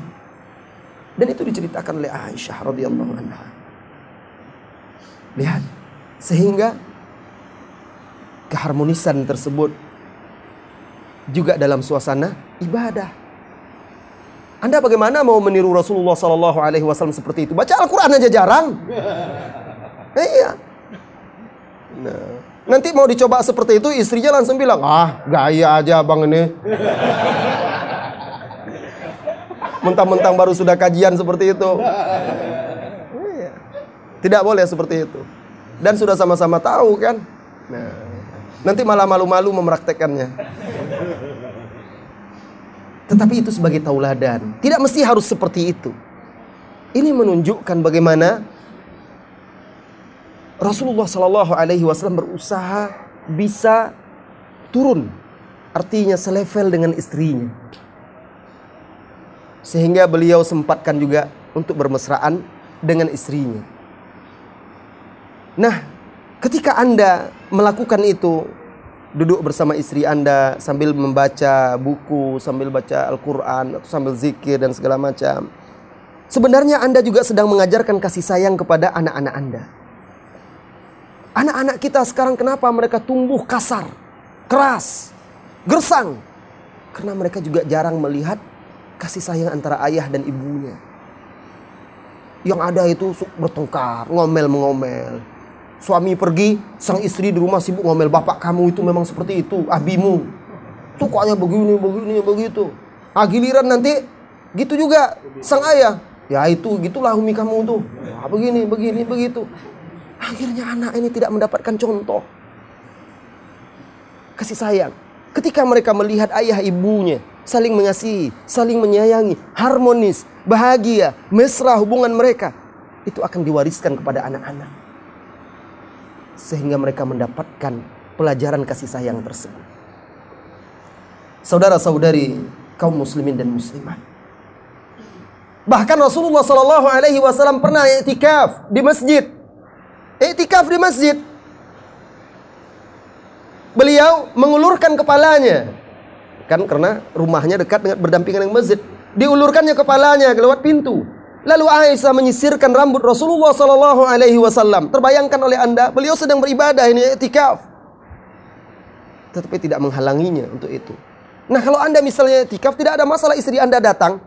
Bahkan sebagian istri Rasulullah Sallallahu Alaihi Wasallam juga pernah begitu. Malam-malam datang dia ke masjid duduk setelah isya itu cerita dengan Rasulullah Sallallahu Alaihi Wasallam karena Rasulullah tidak pulang, Rasulullah etikaf. Istrinya datang berkunjung cerita, Rasulullah meladeni bercerita. Nah, setelah puas pulang diantar oleh Rasulullah Sallallahu Alaihi Wasallam. Lihat, Rasulullah bisa menjadi pendengar setia bagi istrinya. Ini istri cerita sedikit dipatahkan. Istri bercerita bosan. Kadang jarang ada komunikasi. Apalagi kalau sudah lama menikah. Sibuk bekerja, pergi pagi pulang petang. Paling-paling komunikasi hanya minta buatkan teh, minta makan dan segala macam. Sudah itu jarang komunikasi. Nah, Rasulullah Shallallahu Alaihi Wasallam pernah sebelum tidur beliau bercerita bercengkrama dengan istrinya Aisyah radhiyallahu anha. Bahkan waktu itu yang bercerita adalah Aisyah radhiyallahu anha. Bercerita panjang sekali. Rasulullah Shallallahu Alaihi Wasallam tidak ada memutus perkata cerita Rasulullah itu. Ah masa iya seperti itu? Bisa aja kamu. Dipatah-patahin akhirnya istrinya malas lagi bercerita. Rasulullah dengar, Rasulullah simak. Ketika itu Aisyah bercerita tentang sekelompok wanita-wanita yang berkumpul lalu menceritakan suami masing-masing. Panjang lebar ceritanya, hadis Ummu Zar'in sangat terkenal sekali dan sangat bagus untuk dikaji, diambil hikmah dan pelajarannya oleh setiap suami istri. Tidak ada Rasulullah merasa bosan menampakkan kebosanan. Dia dengar. Nah, ini juga membuat cinta itu semakin kuat, semakin kokoh, semakin bertahan. Beri kesempatan, waktu untuk saling bercerita, dan kesempatan ketika akan tidur itu paling baik. Anda bercerita, oh udah ngantuk, nantilah besok ceritanya sambung nih, ngantuk, ngantuk. Jangan, cerita aja. Buat dia senang. Nah, Anda bisa bercerita sampai berjam-jam dengan teman Anda. Giliran dengan istri Anda. Kenapa Anda tidak bisa bercerita? atau mendengarkan ceritanya. Ya, terkadang cerita istri Anda itu kadang-kadang sepele, tidak apa-apa, dengarkan aja. Tunjukkan Anda sangat perhatian, sangat bahagia mendengarkannya, sangat senang, sehingga dia juga menjadi senang dan bahagia. Karena itu dicontohkan oleh Rasulullah Sallallahu Alaihi Wasallam. Saudara-saudari kaum muslimin dan muslimat, cinta yang indah tidak akan tercipta kecuali suami istri tersebut bertakwa. Rasulullah Sallallahu Alaihi Wasallam adalah suami yang paling bertakwa. Sekalipun dia sangat mencintai istrinya Aisyah radhiyallahu anha, istrinya selalu menghangatkan cintanya, kemesraannya. Rasulullah Sallallahu Alaihi Wasallam tidak pernah lupa untuk beribadah. Barangkali ini juga menjadi salah satu rahasia. Allah menganugerahkan kepada mereka cintanya. Suatu malam Aisyah radhiyallahu anha kehilangan Rasulullah Sallallahu Alaihi Wasallam. Dicari-carinya. Rasulullah Sallallahu Alaihi Wasallam karena gelap. Tidak seperti sekarang ada penerang. Dan Rasulullah Sallallahu Alaihi Wasallam juga menganjurkan kalau tidur itu dimatikan lam, lampu, pelita. Terpeganglah kepala Rasulullah Sallallahu Alaihi Wasallam. Rasulullah sedang sujud. Terpegang rambut Rasulullah Sallallahu Alaihi Wasallam. Selesai Rasulullah Sallallahu Alaihi Wasallam salat, apa kata Rasulullah Sallallahu Alaihi Wasallam? Ha Aisyah, syaitanmu telah datang ya. Karena biasa Aisyah kalau kehilangan Rasulullah itu langsung cemburu. Ya Aisyah, ataka syaitanuk. Aisyah membalas radhiyallahu anha. Bukankah engkau juga punya syaitannya ya wahai Rasulullah sallallahu alaihi wasallam? Benar. Tetapi Allah menjadikannya menyerah atau Islam di tanganku dan dia tidak membantuku, tidak mengajakku kecuali kepada kebaikan. Kata Rasulullah sallallahu alaihi wasallam. Lihat. Waktu itu seolah Aisyah mendongkol dengan mengatakan engkau juga punya syaitan ya Rasulullah. Tetapi Rasulullah Shallallahu Alaihi Wasallam santai saja menanggapinya. Bahkan sebelum wafat, Rasulullah Shallallahu Alaihi Wasallam ketika itu Rasulullah Shallallahu Alaihi Wasallam pulang dari menziarahi Baqi. Jadi kalau Rasulullah pergi malam-malam menziarahi Baqi, Aisyah itu kadang mengintipnya, mengikuti dari belakang. Pernah seperti itu. Karena takut dan cemburunya, radhiyallahu anha. Nanti ketika Rasulullah berbalik, langsung dia lari, tergopoh-gopoh pulang. Lalu pura-pura tidur lagi. Tetapi nampasnya sudah sesak. Rasulullah tahu itu. Di akhir hayat Rasulullah Sallallahu Alaihi Wasallam suatu malam, Rasulullah Sallallahu Alaihi Wasallam pulang dari Baki. Lalu didapatinya Aisyah berbaring, dibukanya pintu. Aisyah ketika itu mengeluhkan sakit kepalanya. Wah, roksi, wah, roksah. Ya Rasulullah, wah, roksah, wahai Rasulullah. Aduh, kepalaku sakit. Apa kata Rasulullah Sallallahu Alaihi Wasallam? Begitu juga aku, wahai Aisyah, kepalaku sakit. Wa ana wa roksah ya Aisyah. Kemudian Rasulullah mengatakan, wahai Aisyah, apa susahnya bagimu jika engkau mati lebih dahulu, maka aku yang akan memandikanmu. Aku yang akan mengkafankanmu. Aku yang akan menyolatkanmu. Tidak perlu engkau sedih dan khawatir. Aisyah radhiyallahu anha membalas. Biasa, begitulah wanita. Apa kata Aisyah radhiyallahu anha? Kalau memang seperti itu yang terjadi, aku mati lebih dahulu, sepertinya aku melihat engkau setelah selesai menguburkanku, menyelenggarakanku, engkau langsung membawa istrimu yang lain ke rumahku ini. Fadhahika Rasulullah sallallahu alaihi wasallam. Rasulullah tertawa mendengarnya. Lihat.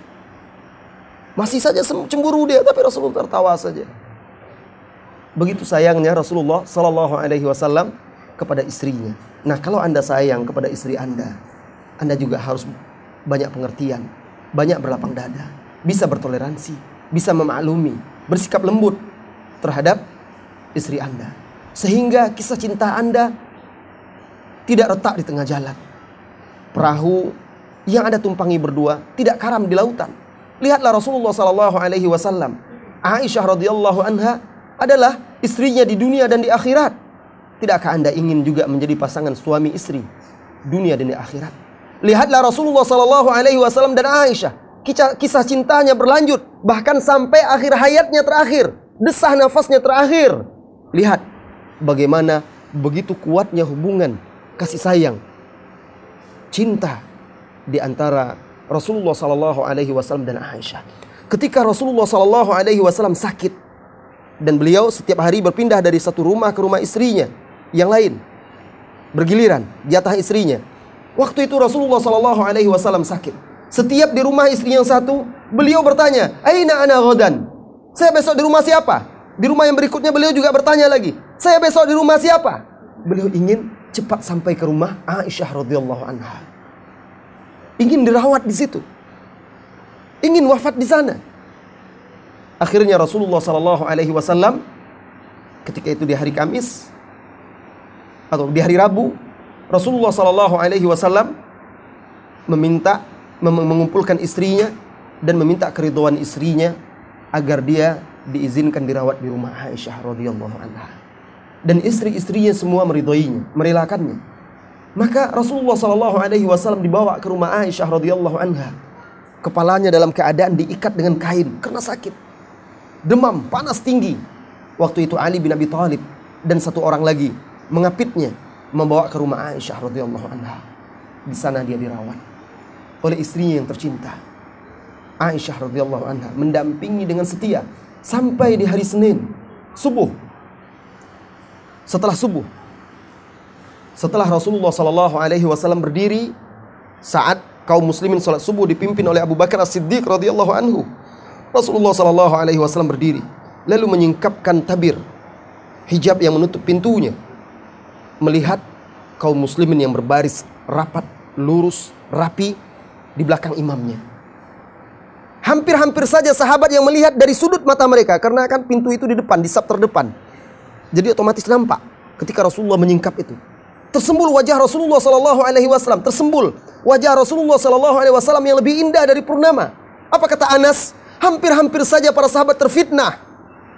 Hampir-hampir saja mereka membatalkan sholatnya. Mereka mengira Rasulullah Shallallahu Alaihi Wasallam telah sembuh. Abu Bakar pun seolah-olah akan bergerak mundur, menyadari ada Rasul Rasulullah Shallallahu Alaihi Wasallam melihat. Tapi Rasulullah memberi isyarat agar Abu Bakar tetap di tempatnya dan memberi isyarat agar kaum muslimin melanjutkan sholatnya. Setelah itu beliau tutup lagi satir atau hijab itu. Dan itulah terakhir Rasulullah membukanya dan Rasulullah menatap para sahabatnya, murid-muridnya, didikannya, binaannya. Lalu Rasulullah Shallallahu Alaihi Wasallam kembali ke tempat tidur dan sakitnya semakin parah. Maka Aisyah radhiyallahu anha meletakkan Rasulullah di pangkuannya. Kepala Rasulullah Shallallahu Alaihi Wasallam disandarkan di antara dada dan lehernya di sini. Di pangkunya Rasulullah Shallallahu Alaihi Wasallam di atas tempat tidur. Masuk salah seorang sahabat. Saudara Aisyah radhiyallahu anha. Putra Abu Bakar. Masuk sambil bersiwak. Abdurrahman bin Abi Bakar. Masuk sambil bersiwak. Rasulullah Shallallahu Alaihi Wasallam melihat kepada siwak tersebut. Aisyah paham. Rasulullah menginginkannya. Aisyah bertanya apakah engkau menginginkannya ya Rasulullah? Kalau engkau mau aku akan mengambilkannya. Rasulullah mengangguk. Lalu Aisyah meminta siwak tersebut kemudian dipotongnya bekas uh, Abdurrahman bin Abi Bakar radhiyallahu anhu. Kemudian dikunyah-kunyahnya ujungnya dilembutkan oleh Rasul oleh Aisyah radhiyallahu anha. Kemudian setelah itu diserahkannya kepada Rasulullah sallallahu alaihi wasallam dan Rasulullah bersiwak itulah dia yang dikatakan oleh Aisyah radhiyallahu anha bahwa salah satu kemuliaan yang diberikan oleh Allah kepada Aisyah radhiyallahu anha adalah bahwa Rasulullah Shallallahu Alaihi Wasallam wafat di atas pangkuannya antara dada dan lehernya. Dan sebelum wafat Allah satukan antara air liur dia dengan air liur Nabi Muhammad Shallallahu Alaihi Wasallam. Maksudnya itu karena dia yang melunakkan ujung siwa itu dan digunakan oleh Rasulullah Shallallahu Alaihi Wasallam bersiwak lihat ikatan cinta mereka sampai seperti itu. Tidakkah anda ingin anda dengan istri anda anda dengan suami anda semenjak anda menikah sampai di akhir hayat bisa seperti Rasulullah Sallallahu Alaihi Wasallam dan itu tidak mustahil karena mereka adalah suri tauladan anda jika anda betul-betul meneladaninya sebagai seorang suami sebagai seorang kepala rumah tangga Jika Anda betul-betul meneladani Aisyah radhiyallahu anha sebagai ibu Anda, sebagai istri dan begitu seterusnya. Walaupun kita tidak bisa seperti Rasulullah sallallahu alaihi wasallam dan Aisyah sepenuhnya, tetapi setidaknya kita berusaha untuk mengikuti jejaknya. Mudah-mudahan dengan itu Allah berikan kebahagiaan di rumah tangga kita. Saudara-saudari, banyak sekali kisah lain yang belum diceritakan. Ada Rasulullah Sallallahu Alaihi Wasallam waktu itu dia sedang uh, bersama Aisyah dan salah seorang istrinya lagi Zainab. Kemudian datang orang membawakan makanan lalu mereka lalu ketika itu terjadi perselisihan antara Aisyah dengan istrinya dengan salah seorang istri Rasulullah Sallallahu Alaihi Wasallam tersebut yang meminta Aisyah untuk memakan makanan itu dan dia tidak mau. Lalu kata istri Rasulullah Sallallahu Alaihi Wasallam yang satu itu, kamu harus makan. Kalau tidak, saya akan lumuri makanan ini ke kamu. Aisyah tidak mau juga. Akhirnya istri Rasulullah yang satu itu diambilnya dilumurkannya ke muka Aisyah. Aisyah balik melumurkannya lagi. Dan ketika istri Nabi itu ingin lari, ingin pergi, dihalangi oleh Rasulullah Sallallahu Alaihi Wasallam. Setelah dia melumuri muka Aisyah, dia ingin pergi, lari, menghindar. Dihalangi oleh kaki Rasulullah SAW. Dan Rasulullah perintahkan Aisyah membalas. Balas Aisyah. Akhirnya mereka bermain saling melumuri makanan. Dan kemudian mereka sama-sama tertawa. Subhanallah. Ternyata cinta itu kadang membuat orang seperti anak-anak. Ya bermain-main. Anda jangan menganggap itu tabu. Wah, udah jenggotan kok masih main-main begitu juga. Malu dilihat oleh anak-anak. Enggak, ini antara Anda dengan istri Anda. Ya, Masa udah jenggotan kayak gitu. Nah, jenggotan sudah mulai putih masih main-main. Ya tidak apa-apa. Karena cinta sebagaimana yang saya katakan tidak mengenal batas usia. Sampai mati bahkan Rasulullah Shallallahu Alaihi Wasallam dengan istrinya Aisyah tetap mesra. Bahkan beliau wafat di atas pangkuan istrinya. Suasana yang sangat mesra, yang sangat penuh dengan kasih sayang. Mudah-mudahan Anda juga bisa, kita semua bisa menjalin kemesraan dengan istri istri kita dengan memohon pertolongan kepada Allah Subhanahu wa taala semata. Baiklah, tidak terasa sudah jam 11.30. Sebagaimana yang saya katakan tadi, tidak bisa semua materi saya sampaikan karena kajian ini sebenarnya dulu pernah saya sampaikan tahun 2006 dari jam 8 sampai zuhur. Nah, sekarang kita mulai jam 10 tadi. Jadi hanya bisa satu setengah jam.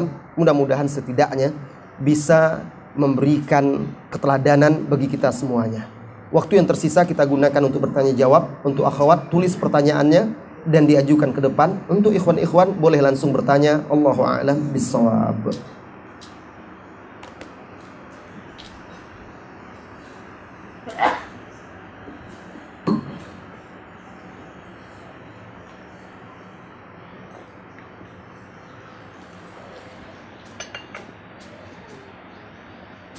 Silakan ikhwan-ikhwan boleh bertanya. Nggak usah malu-malu bertanya masalah rumah tangga.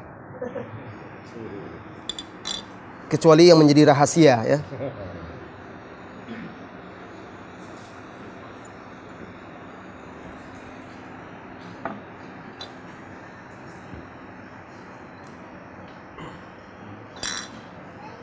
Sambil menunggu pertanyaan dari akhwat, barangkali sedang ditulis ini adalah pertemuan terakhir kita dalam rangkaian perjalanan saya di kota Bali ini. Saya ucapkan terima kasih kepada panitia dan kepada ikhwan semuanya. Jazakumullahu khairan kathira. Dan juga saya senang, gembira bisa berkumpul bersama antum semuanya.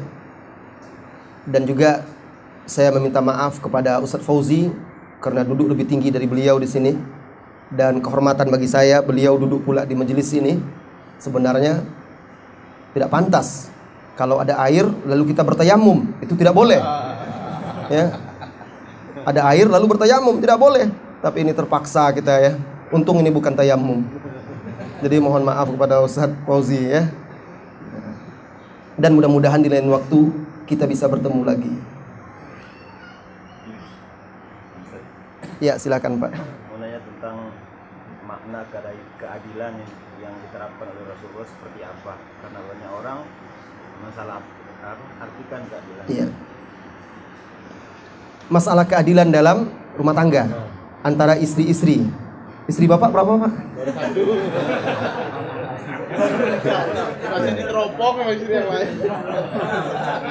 Ya nggak apa-apa, nggak apa-apa. Kan ilmunya dulu sebelum dipraktekkan. Syaratnya ta'adud kan adil. Jadi bapak kita ini bertanya, tapi rahasiakan namanya jangan sampai ke ibu-ibu namanya. Bertanya bagaimana sih sebenarnya keadilan yang dimaksud itu yang diterapkan oleh Rasulullah Sallallahu Alaihi Wasallam di antara istri-istrinya? Jadi keadilan yang dimaksud yang diwajibkan kepada seorang suami jika dia memiliki istri lebih daripada satu. Yang dimaksud adalah keadilan dalam nafkah. Nafkah di sini maksudnya nafkah kebutuhan dia, nafkah tempat tinggal, nafkah makan, kemudian nafkah juga uh, pakaian dan juga berbagi hari. Menginap, tempat menginap. Kalau siang itu tidak dihitung, tapi berbagi dalam tempat menginap. Itu harus bisa adil. Atau dengan keridoan istrinya, salah seorang istrinya. Misalnya seperti Saudah. Ya, beliau akhirnya merelakan hari dia untuk Aisyah radhiyallahu anha. Maksudnya merelakan hari ini Rasulullah tidak lagi ke rumah dia. Tapi dia ridho melakukan itu. Yang penting dia tidak mau kalau dicerai. Dia ingin tetap jadi istri Nabi Shallallahu Alaihi Wasallam walaupun sudah tua. Biarlah Rasulullah tidak ke rumahnya. Yang penting dia menjadi istri Nabi agar kelak di akhirat juga bisa menjadi istri Nabi Shallallahu Alaihi Wasallam. Nah, keadilan yang dimaksud yang diwajibkan atas suami keadilan dalam memberi nafkah tempat tinggal, kemudian juga pakaian, makanan dan kebutuhannya dan tempat menginap. Jadwal menginap dia. Adapun masalah cinta, dia lebih mencintai salah seorang istrinya dan juga dalam masalah nafkah biologis. Ingat, dalam nafkah biologis itu di luar kemampuan seorang suami untuk bisa harus menyamakannya. Oleh karena itu, Rasulullah Shallallahu Alaihi Wasallam dalam salah satu doanya berkata, Allahumma hada qasami fima amlik. Fala talumni fala fala talumni fima la amlik. Ya Allah, inilah pembagianku kepada istri-istriku yang aku kuasai, yang aku miliki, yang aku sanggupi. Maka jangan hukum aku. Jangan tegur aku karena sesuatu yang tidak aku miliki. Maksudnya masalah cinta tadi. Rasulullah lebih mencintai Aisyah dibandingkan istri-istrinya yang lain. Berarti tidak bisa diratakan karena hati bukan kita yang memiliki. Hati itu di tangan Allah di antara jari jemari Ar-Rahman. Dia yang membolak-balikkannya. Jadi bisa saja Bapak mencintai istri mudanya nanti. Lebih lebih cinta kepada istri mudanya daripada istri tuanya. Tapi tetap menyayangi, berlaku adil kepada yang lainnya. Allahu a'lam bissawab. Kita jawab pertanyaan dari akhwat.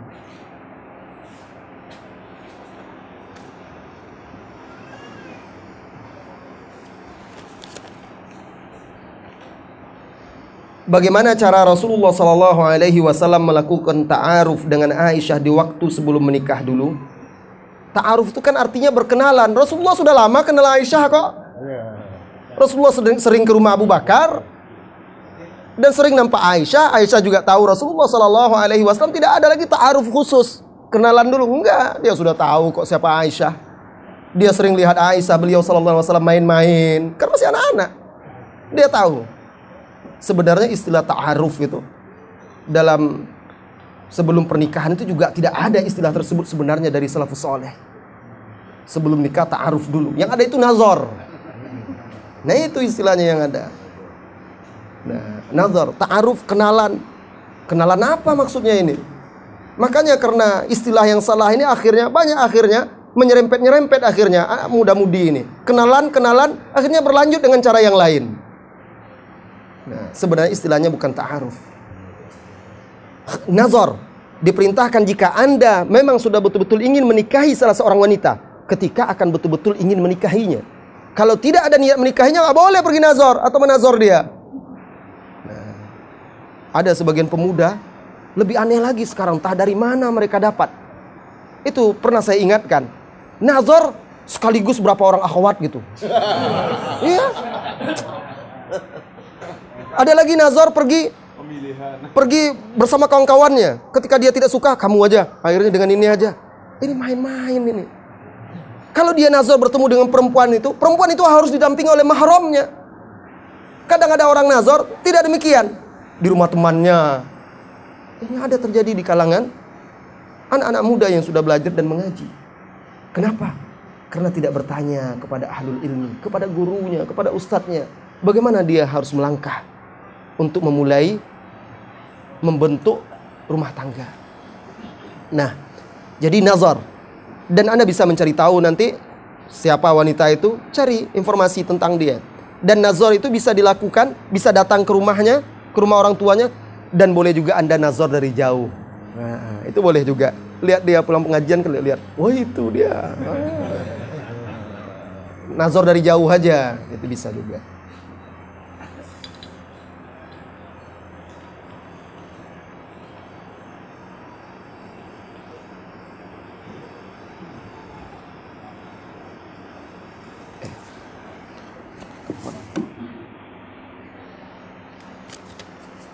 Saya pilih pertanyaan yang sesuai dengan materi ya. Ini masalah mikot nanti dulu kita tunda dulu. Masalah mikot ini.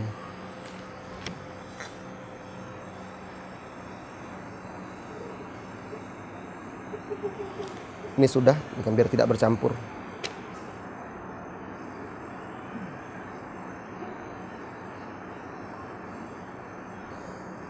Ustadz mau tanya, tolong jelaskan hukum suami memberi uang masak dengan suami memberi nafkah. Uang masak, uang kos suami ini. ya, masalah uang. Ketika suami memberikan uang bulanan untuk kebutuhan rumah tangga dan kebutuhan Anda, itu sebenarnya sudah nafkah yang diberikan oleh suami itu dia berkewajiban untuk menanggung nafkah istrinya, kebutuhan istrinya, kebutuhan anak-anaknya, kebutuhan rumah tangganya, baik kebutuhan pakaian istrinya, kebutuhan aksesoris-aksesoris dia, ah, kebutuhan make up dia. Itu juga tanggung jawab suami sebenarnya. Makan dia, anak-anaknya juga pakaian dia.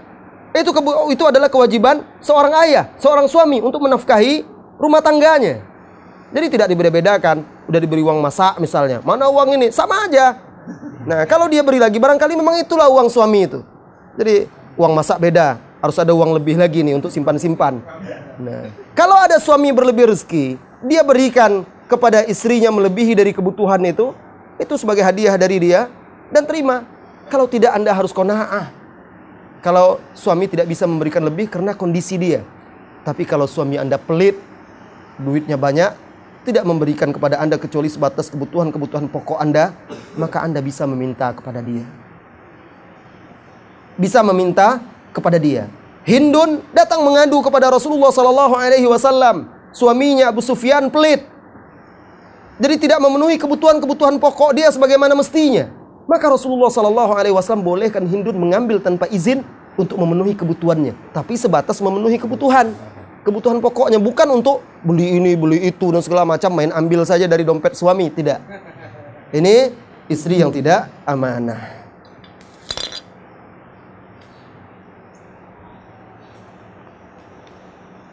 Ustadz bagaimana menyikapi menghadapi suami yang egois?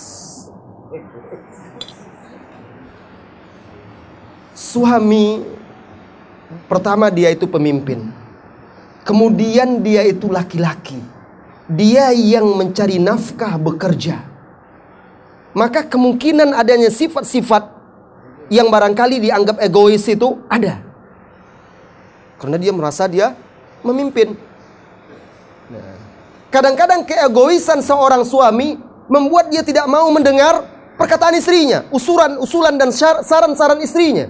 Tidak dia terima sama sekali. Ah, Mana tahu kamu seperti itu. Sudahlah, ikuti aja. Kadang-kadang dipatahkan seperti itu. Jadi ada seorang laki-laki bertengkar dengan istrinya. Jadi suara istrinya lebih tinggi daripada dia. Akhirnya dia kesal dan ingin mengadu kepada khalifah Umar bin Khattab radhiyallahu anhu. Mengadukan istrinya ini. Pergi dia. Baru sampai di depan rumah Umar terdengar ter, rupanya Umar sedang bertengkar dengan istrinya. Dan terdengar suara istri Umar lebih tinggi pula dari Umar lagi. Akhirnya dia berpikir, kalau saja Umar seperti ini bagaimana dengan saya? Sudah nggak jadi dia pulang. Dan Umar pernah dibantah oleh istrinya marah. Dibantah oleh istrinya marah Umar. Lalu istrinya mengatakan, engkau marah ketika aku memberikan usulan dan masukan seperti itu. Sementara anakmu melakukan itu dengan Rasulullah Sallallahu Alaihi Wasallam. Bahkan terkadang mereka seharian mendiamkan Rasulullah Sallallahu Alaihi Wasallam. Kaget Umar. Langsung dia pergi dan bertanya kepada Hafsah, putrinya yang merupakan istri Nabi Sallallahu Alaihi Wasallam radhiyallahu an Umar wa an Hafsah. Apakah benar yang dikatakan oleh istrinya tadi? Dia tanya. Memang benar. Kadang-kadang kami, kata Hafsah, kadang-kadang kami uh, apa namanya uh, membantah perkataan Rasulullah Sallallahu Alaihi Wasallam. Tentu maksudnya di sini bukan masalah syariat, ya. Kalau dalam masalah agama, masalah syariat mereka semuanya tidak ada yang membantah Rasulullah Sallallahu Alaihi Wasallam. Terkadang istri, kami suaranya lebih tinggi dari Rasulullah Sallallahu Alaihi Wasallam. Bahkan salah seorang dari kami ada yang mendiamkan Rasulullah seharian. Lihat, bagaimana mereka tidak egois terhadap para istri-istri mereka. Rasulullah Sallallahu Alaihi Wasallam bisa menerima masukan dari istrinya. Lihat dalam Sulhul Hudaybiyah. Ketika itu Rasulullah Sallallahu Alaihi Wasallam memerintahkan para sahabat untuk menyembelih hadi mereka dan memotong, mencukur rambut mereka. Tidak ada satupun yang bergerak karena mereka sedang sedang sok, sedih, tidak jadi ke Mekah. Dihalangi oleh orang kafir untuk menunaikan umroh. Mereka sedih. Rasulullah pun masuk ke dalam kemahnya di mana salah seorang istrinya di situ. Dengan wajah sedih karena para sahabat tidak mengikuti perintahnya.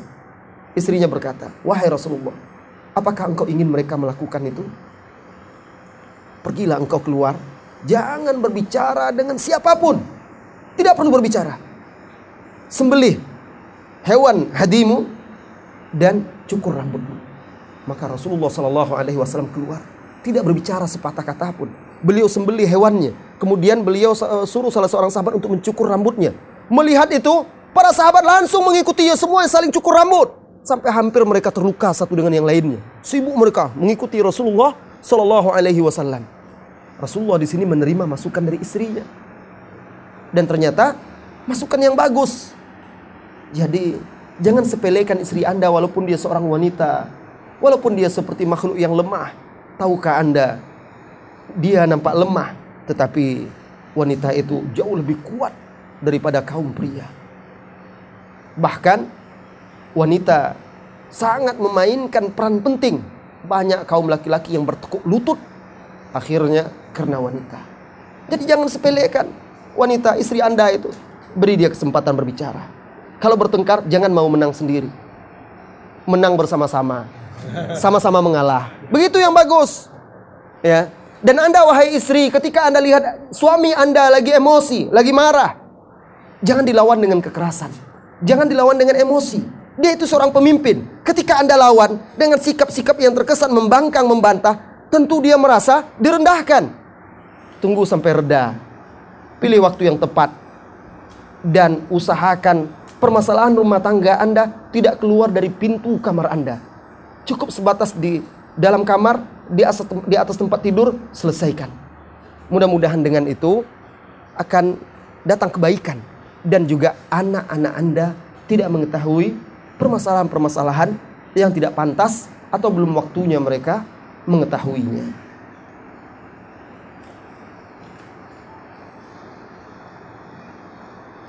Mana yang harus didahulukan antara keperluan anak dengan suami? Keperluan apa dulu? Kalau keperluan suami yang wajib, apa pun kondisi Anda, Anda harus ikuti. Nah, tidak bisa. Kalau suami memanggil Anda ke tempat tidur, nah Anda tidak bisa katakan, oh ini urusan anak harus didahulukan. Tidak bisa. Tetapi Anda wahai suami juga harus maklum dong. Kondisi suami istri-istri lagi nyusukan anak, jangan dipaksa-paksa juga. iya. Ya maklum lah, Anda harus bisa berpikir yang jernih. Nah, iya. Adapun ketaatan kepada suami wajib. Bahkan hadis Rasulullah Shallallahu Alaihi Wasallam menegaskan itu. Kalau seandainya suami memanggil istrinya atau mengajak istrinya dan dia tidak mau, malaikat yang ada di langit murka, melaknat dia sampai pagi. Bayangkan wahai para wanita.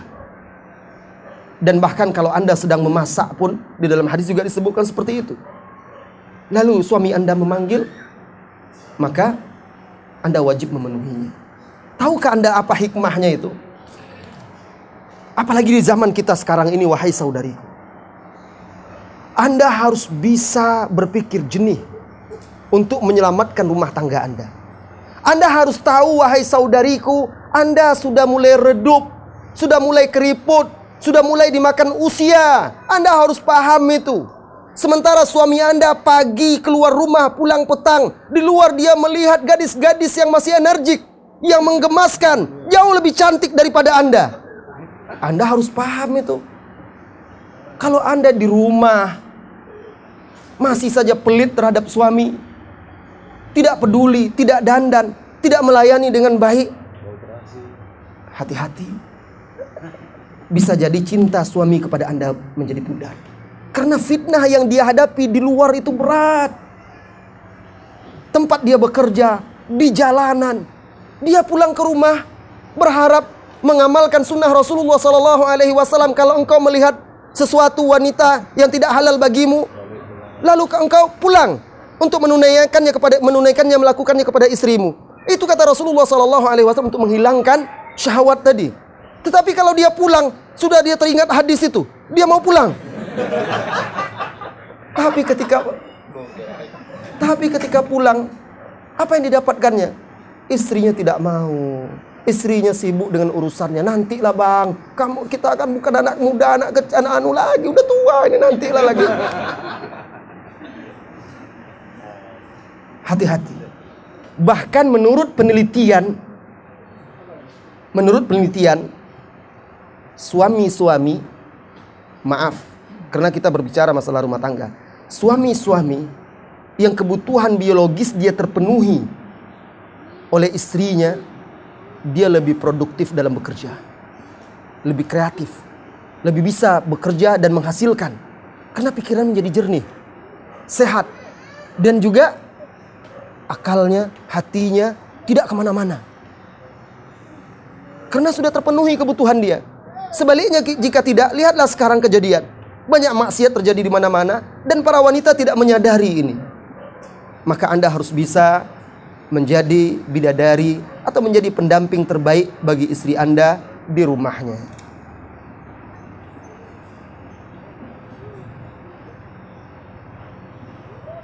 Bagaimana doa istri suami kepada pasangannya yang telah meninggal?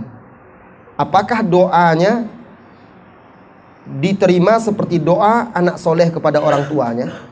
Doa itu untuk siapa saja kepada orang yang meninggal, insya Allah didengar oleh Allah Subhanahu wa Ta'ala. Kita bukan pertanyaan Anda ini seolah-olah doa itu dikirim kepada orang yang mati kan gitu. Apakah diterima juga seperti doa anak-anak yang soleh. Bukan kita tidak mengirim doa kepada orang yang sudah mati itu. Mau kirim pakai apa? Nggak ada bisa dikirim-kirim. Kita itu kan berdoa meminta kepada Allah. Ya Allah ampunilah dia. Ampunilah ayahku. Ampunilah ibuku. Ampunilah suamiku. Jadi kita itu minta Allah mengampuninya. Bukan kita kirimkan doa kita itu. Jadi ini ada kesalahan istilah di sini. Ya kirim doa untuk orang yang sudah meninggal. Apanya yang mau dikirimkan? Ya, transfer pahala. Anda sudah yakin dapat pahala? Eh, kalau orang orang yang meninggal itu dibangunkan lagi, ditanya kepada mungkin dia marah kepada Anda. Anda kirim-kirim pahala, Anda aja belum tentu dapat pahala. Barangkali seperti itu. Karena kita baru tahu apakah ibadah kita diterima, mendapatkan mendapatkan pahala kelak di hari kiamat. Yang berhak membagi-bagikan pahala itu adalah Allah Subhanahu wa taala. Bahkan ada orang dia punya pahala yang banyak, pahala sholat, pahala puasa dan segala macam di hari kiamat tidak dapat apa-apa. Bangkrut Allah berikan kepada orang lain. Ini menunjukkan kita nggak bisa kirim-kirim pahala. Ya. Nah, Jadi yang dimaksud itu ibu, saudariku, kita berdoa kepada Allah. Jadi berdoa kepada Allah itu terhadap semua kaum muslimin, baik ayah, ibu, suami, saudara-saudari kita yang lain, insya Allah itu didengar oleh Allah Subhanahu wa taala kalau terpenuhi syarat-syaratnya dan tidak ada mawani'nya, penghalang-penghalangnya, maka itu akan dikabulkan oleh Allah Subhanahu wa taala.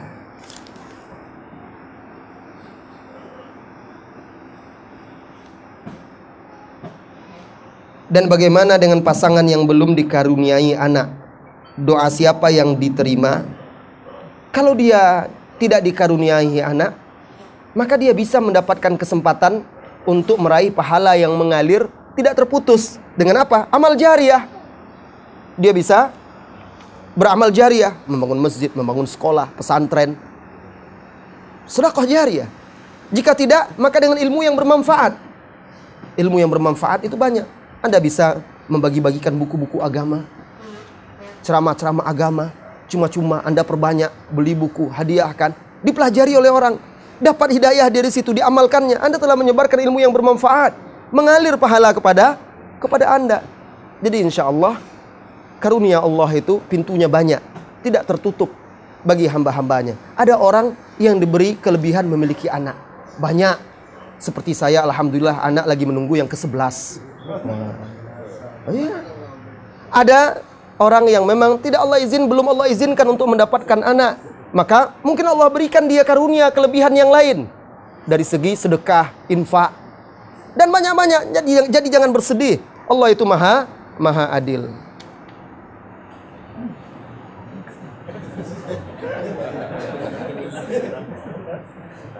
Ustadz, sehubungan dengan Ghaddul Basar bagaimana sikap yang baik ketika kita menonton kegia ke apa menonton kajian via TV memangnya laki-laki itu aurat?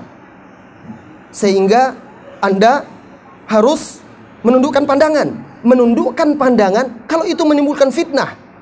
Atau sesuatu yang dilihat itu sesuatu yang haram. Jadi kalau seandainya Anda melihat laki-laki itu menimbulkan fitnah, bisa menimbulkan fitnah, maka Anda harus hudul basar. Kalau seandainya tidak, tidak ada masalah. Karena wajah laki-laki bukan aurat. Ya, wajah laki-laki bukan bukan aurat. Nah, jadi tidak ada masalah. Lihatlah kisah di Haji Wada itu. Ketika Rasulullah Shallallahu alaihi wasallam di Mina dekat Jamar As-Sughra di atas ontanya berboncengan dengan Fadl ibnu Abbas sallallahu alaihi nabi wa radhiyallahu anil, anil.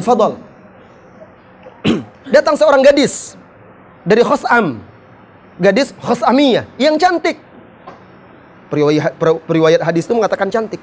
Dan Al-Fadl ini pemuda yang tampan.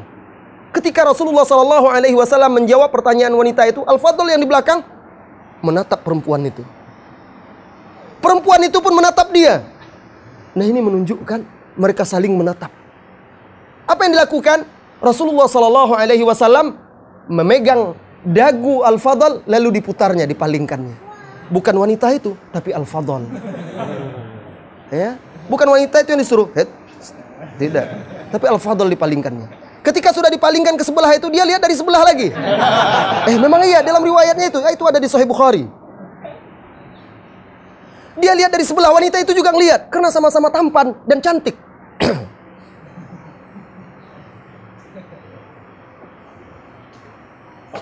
Maka Rasulullah Shallallahu Alaihi Wasallam palingkan lagi ke sebelah. Dilihat lagi dia. Sampai tiga kali.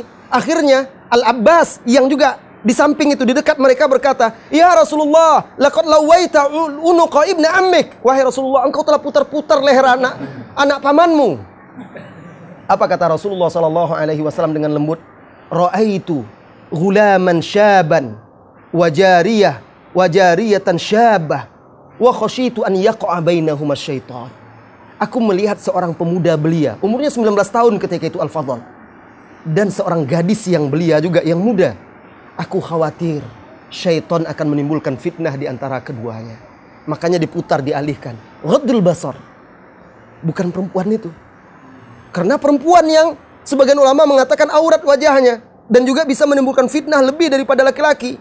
Padahal wanita itu juga terpana melihat Al-Fadl Kadang ada di sebagian kajian itu dikurung sudah. ngaji udah sempit itu semuanya pakai hijab kajian ibu-ibu. Pernah saya suatu ketika di mihrab itu sudah dikurung aja di situ. Loh, ini kok seperti ini? Kenapa tidak kalian suruh aja saya pakai cadar?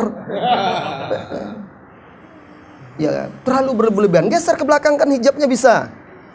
Nah, kalau Anda menonton di TV kajian itu, misalnya membuat Anda terfitnah, maka itu wajib Anda ghaddul basar. Nah, wajib Anda ghaddul ghaddul basar. Tapi kalau tidak, maka tidak ada masalah. Karena tidak pernah dan perintah ghaddul basar itu untuk pria maupun wanita untuk menghindari terjadinya fitnah di antara mereka.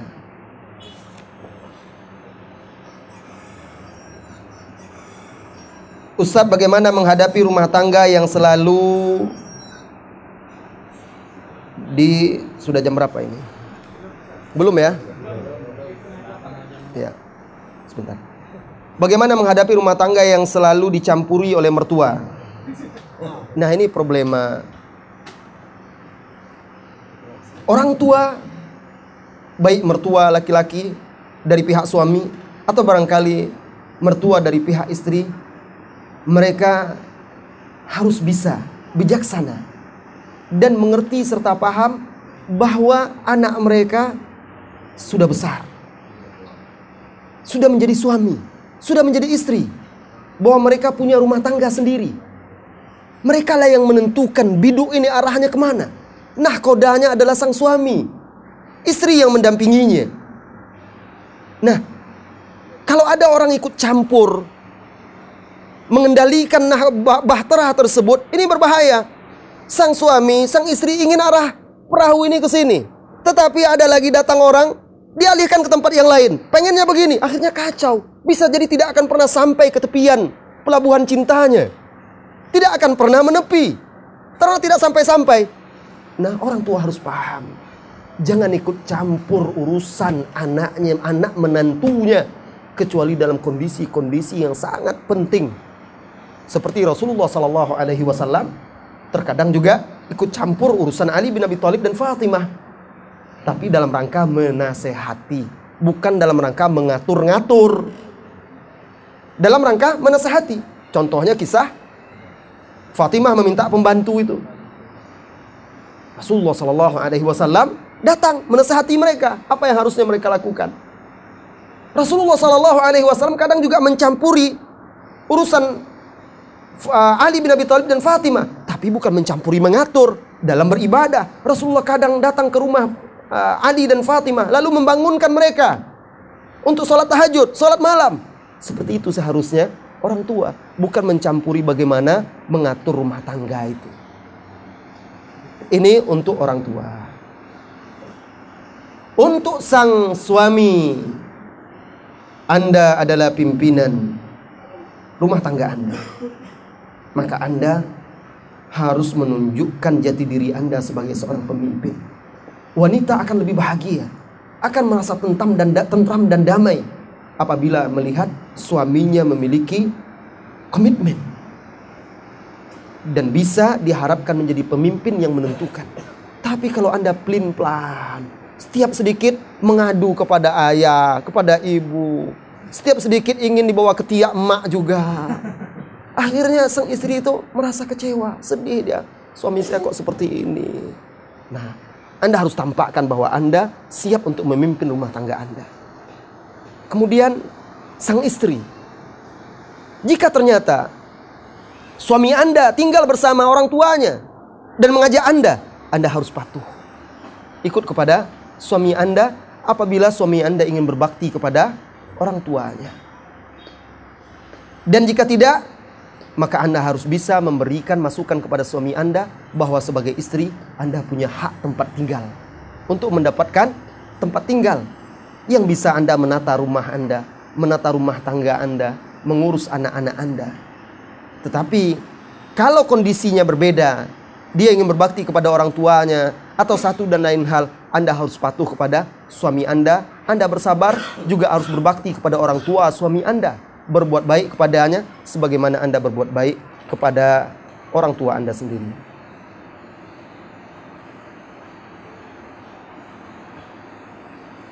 Ini pertanyaan Pas akhwat yang lalu ini kok masuk lagi?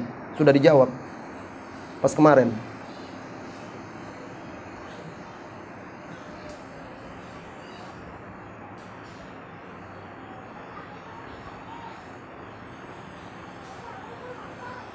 Pak Ustadz saya mau tanya.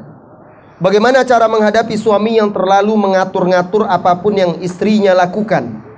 Semuanya serba salah Dan itu membuat saya jadi tertekan. Mohon penjelasannya terima kasih. Kalau seandainya yang diatur-atur oleh suami anda adalah sesuai syariat Sesuatu yang diperintahkan oleh agama Anda wajib patuh, tunduk. Wajib mengikutinya. Karena kewajiban Anda adalah mentaati suami Anda.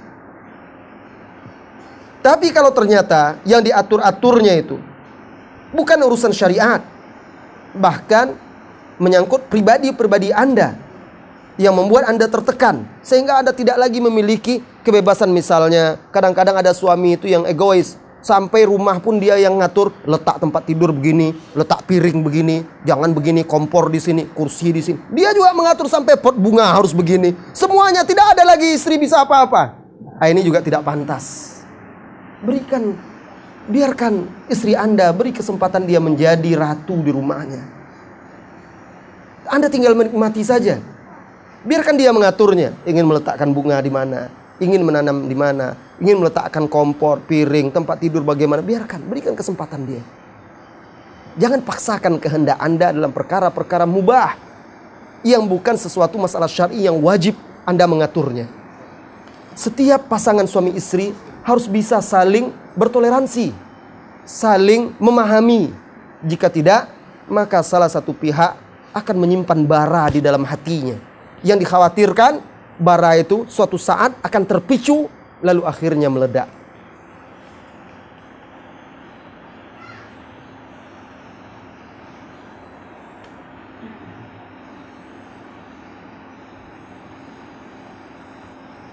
Mau tanya, bagaimana hukumnya menggugurkan kandungan sebelum berumur satu bulan? Karena suami meninggal dunia, takut jadi bahan gunjingan tetangga. Jazakumullahu khairan. Menggugurkan kandungan tanpa ada alasan yang dibolehkan oleh syar'i walaupun baru satu bulan usia kehamilannya itu adalah haram dan termasuk membunuh janin itu. Di dalam Al-Qur'an, di beberapa surat, di beberapa, beberapa tempat di dalam Al-Qur'an Allah Subhanahu wa taala melarang kita untuk membunuh anak-anak. Allah Subhanahu wa taala menjelaskan di salah satu ayatnya wala taqtulu auladakum khasyata imlaq. Janganlah kalian membunuh anak kalian karena takut miskin, susah.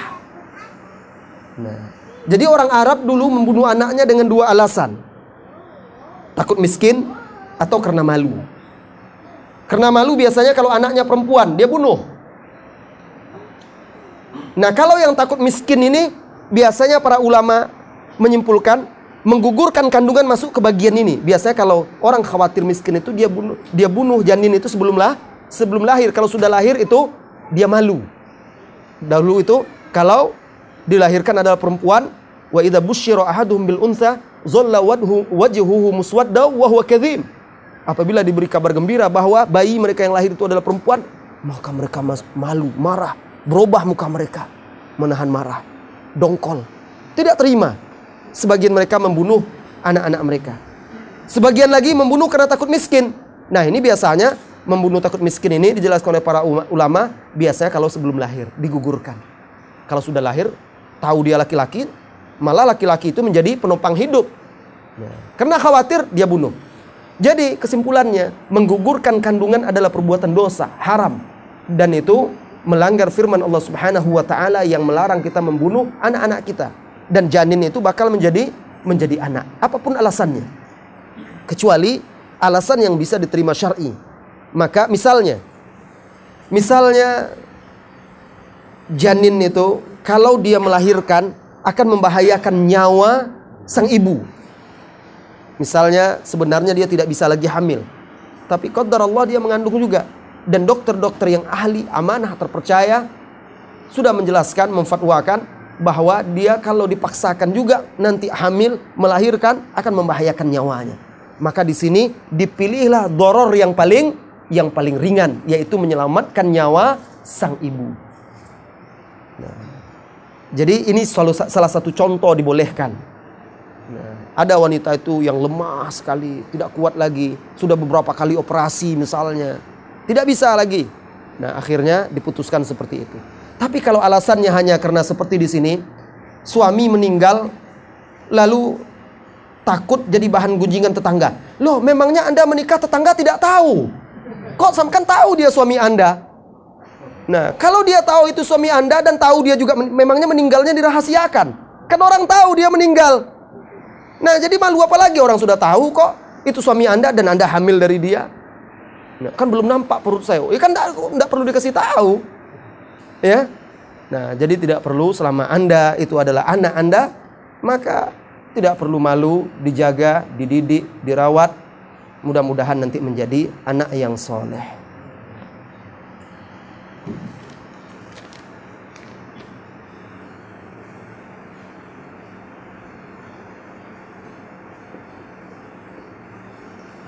Pak Ustadz, saya pun wanita yang masih banyak kekurangan.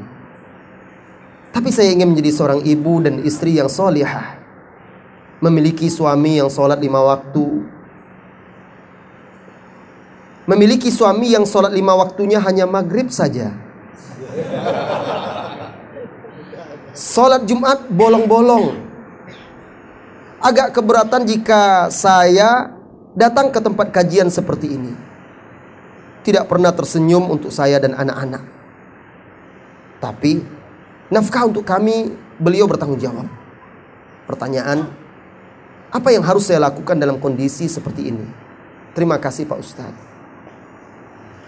Yang Anda harus lakukan pertama berdoa kepada Allah Subhanahu wa taala, memohon pertolongan kepadanya karena kita manusia ini tidak memiliki kekuatan, daya dan upaya kecuali dengan pertolongan Allah Subhanahu wa taala. Serahkan diri Anda kepada Allah. Pasrahkan diri Anda kepada Allah. Lalu berdoalah bermunajat, bergantung kepadanya, memohon agar suami Anda diberi hidayah, diberi petunjuk, dibukakan hatinya untuk kebenaran, dilembutkan hatinya untuk menerima agama ini. Anda harus mau berdoa. Jangan hanya berkeluh kesah. Kadukan keluh kesah Anda kepada Allah. Innama ashku bathi wa huzni ilallah. Kata Ya'qub. Sesungguhnya aku mengadukan. Curhat. Kepada. Mengadukan keluh kesah. Permasalahanku hanya kepada Allah. Banyak manusia sekarang curhat kepada manusia, ngadu kepada ustadz ini, kepada ustadz itu. Ustadz saya begini, saya begini, saya begitu. Apa yang bisa dibuat oleh ustadznya? Anda sudah mengadu kepada Allah Subhanahu wa taala, mengadulah. Mengadu bangun tengah malam itu, lalu berwudu, mengadu kepada dia ketika orang semuanya tidur, tidak ada lagi siapa-siapa. Anda bisa puas mengadu meneteskan air mata di hadapan Allah Azza wa Jalla. Mudah-mudahan dikabulkan doa Anda dan jangan pernah bosan untuk berdoa. Habis waktu, jawabannya belum selesai nih. Diselesaikan dulu satu ini. Ya. Kemudian yang kedua, wahai saudariku, berusahalah untuk mendakwahi suami Anda. Bagaimana? Mengingatkan dia, misalnya ajak dia sholat. Kalaupun belum bisa pergi ke masjid, ajak di rumah dulu sholat. Sholat dia. Ajak dia sholat, ingatkan dia. Ayo bang, sholat dulu. Sholat Jangan lupa ingatkan terus. Ingat. Sedangkan solat malam saja solat sunat. Rasulullah Shallallahu Alaihi Wasallam mendoakan seorang wanita yang bangun untuk solat lalu membangunkan suaminya. Jika tidak bangun, diusapkannya tangannya, disapukan tangan yang basah ke muka suaminya. Apa kata Rasulullah? Rahimallahum ra'atan. Semoga Allah merahmati seorang wanita yang bangun. Qamat min naumihi, min naumiha yang bangun dari tidurnya. Kemudian sholat. Setelah itu membangunkan suaminya. Tapi hati-hati wahai saudariku. Laki-laki sekarang tidak seperti dulu. Jangan sembarangan tangan anda yang basah diusapkan ke mukanya.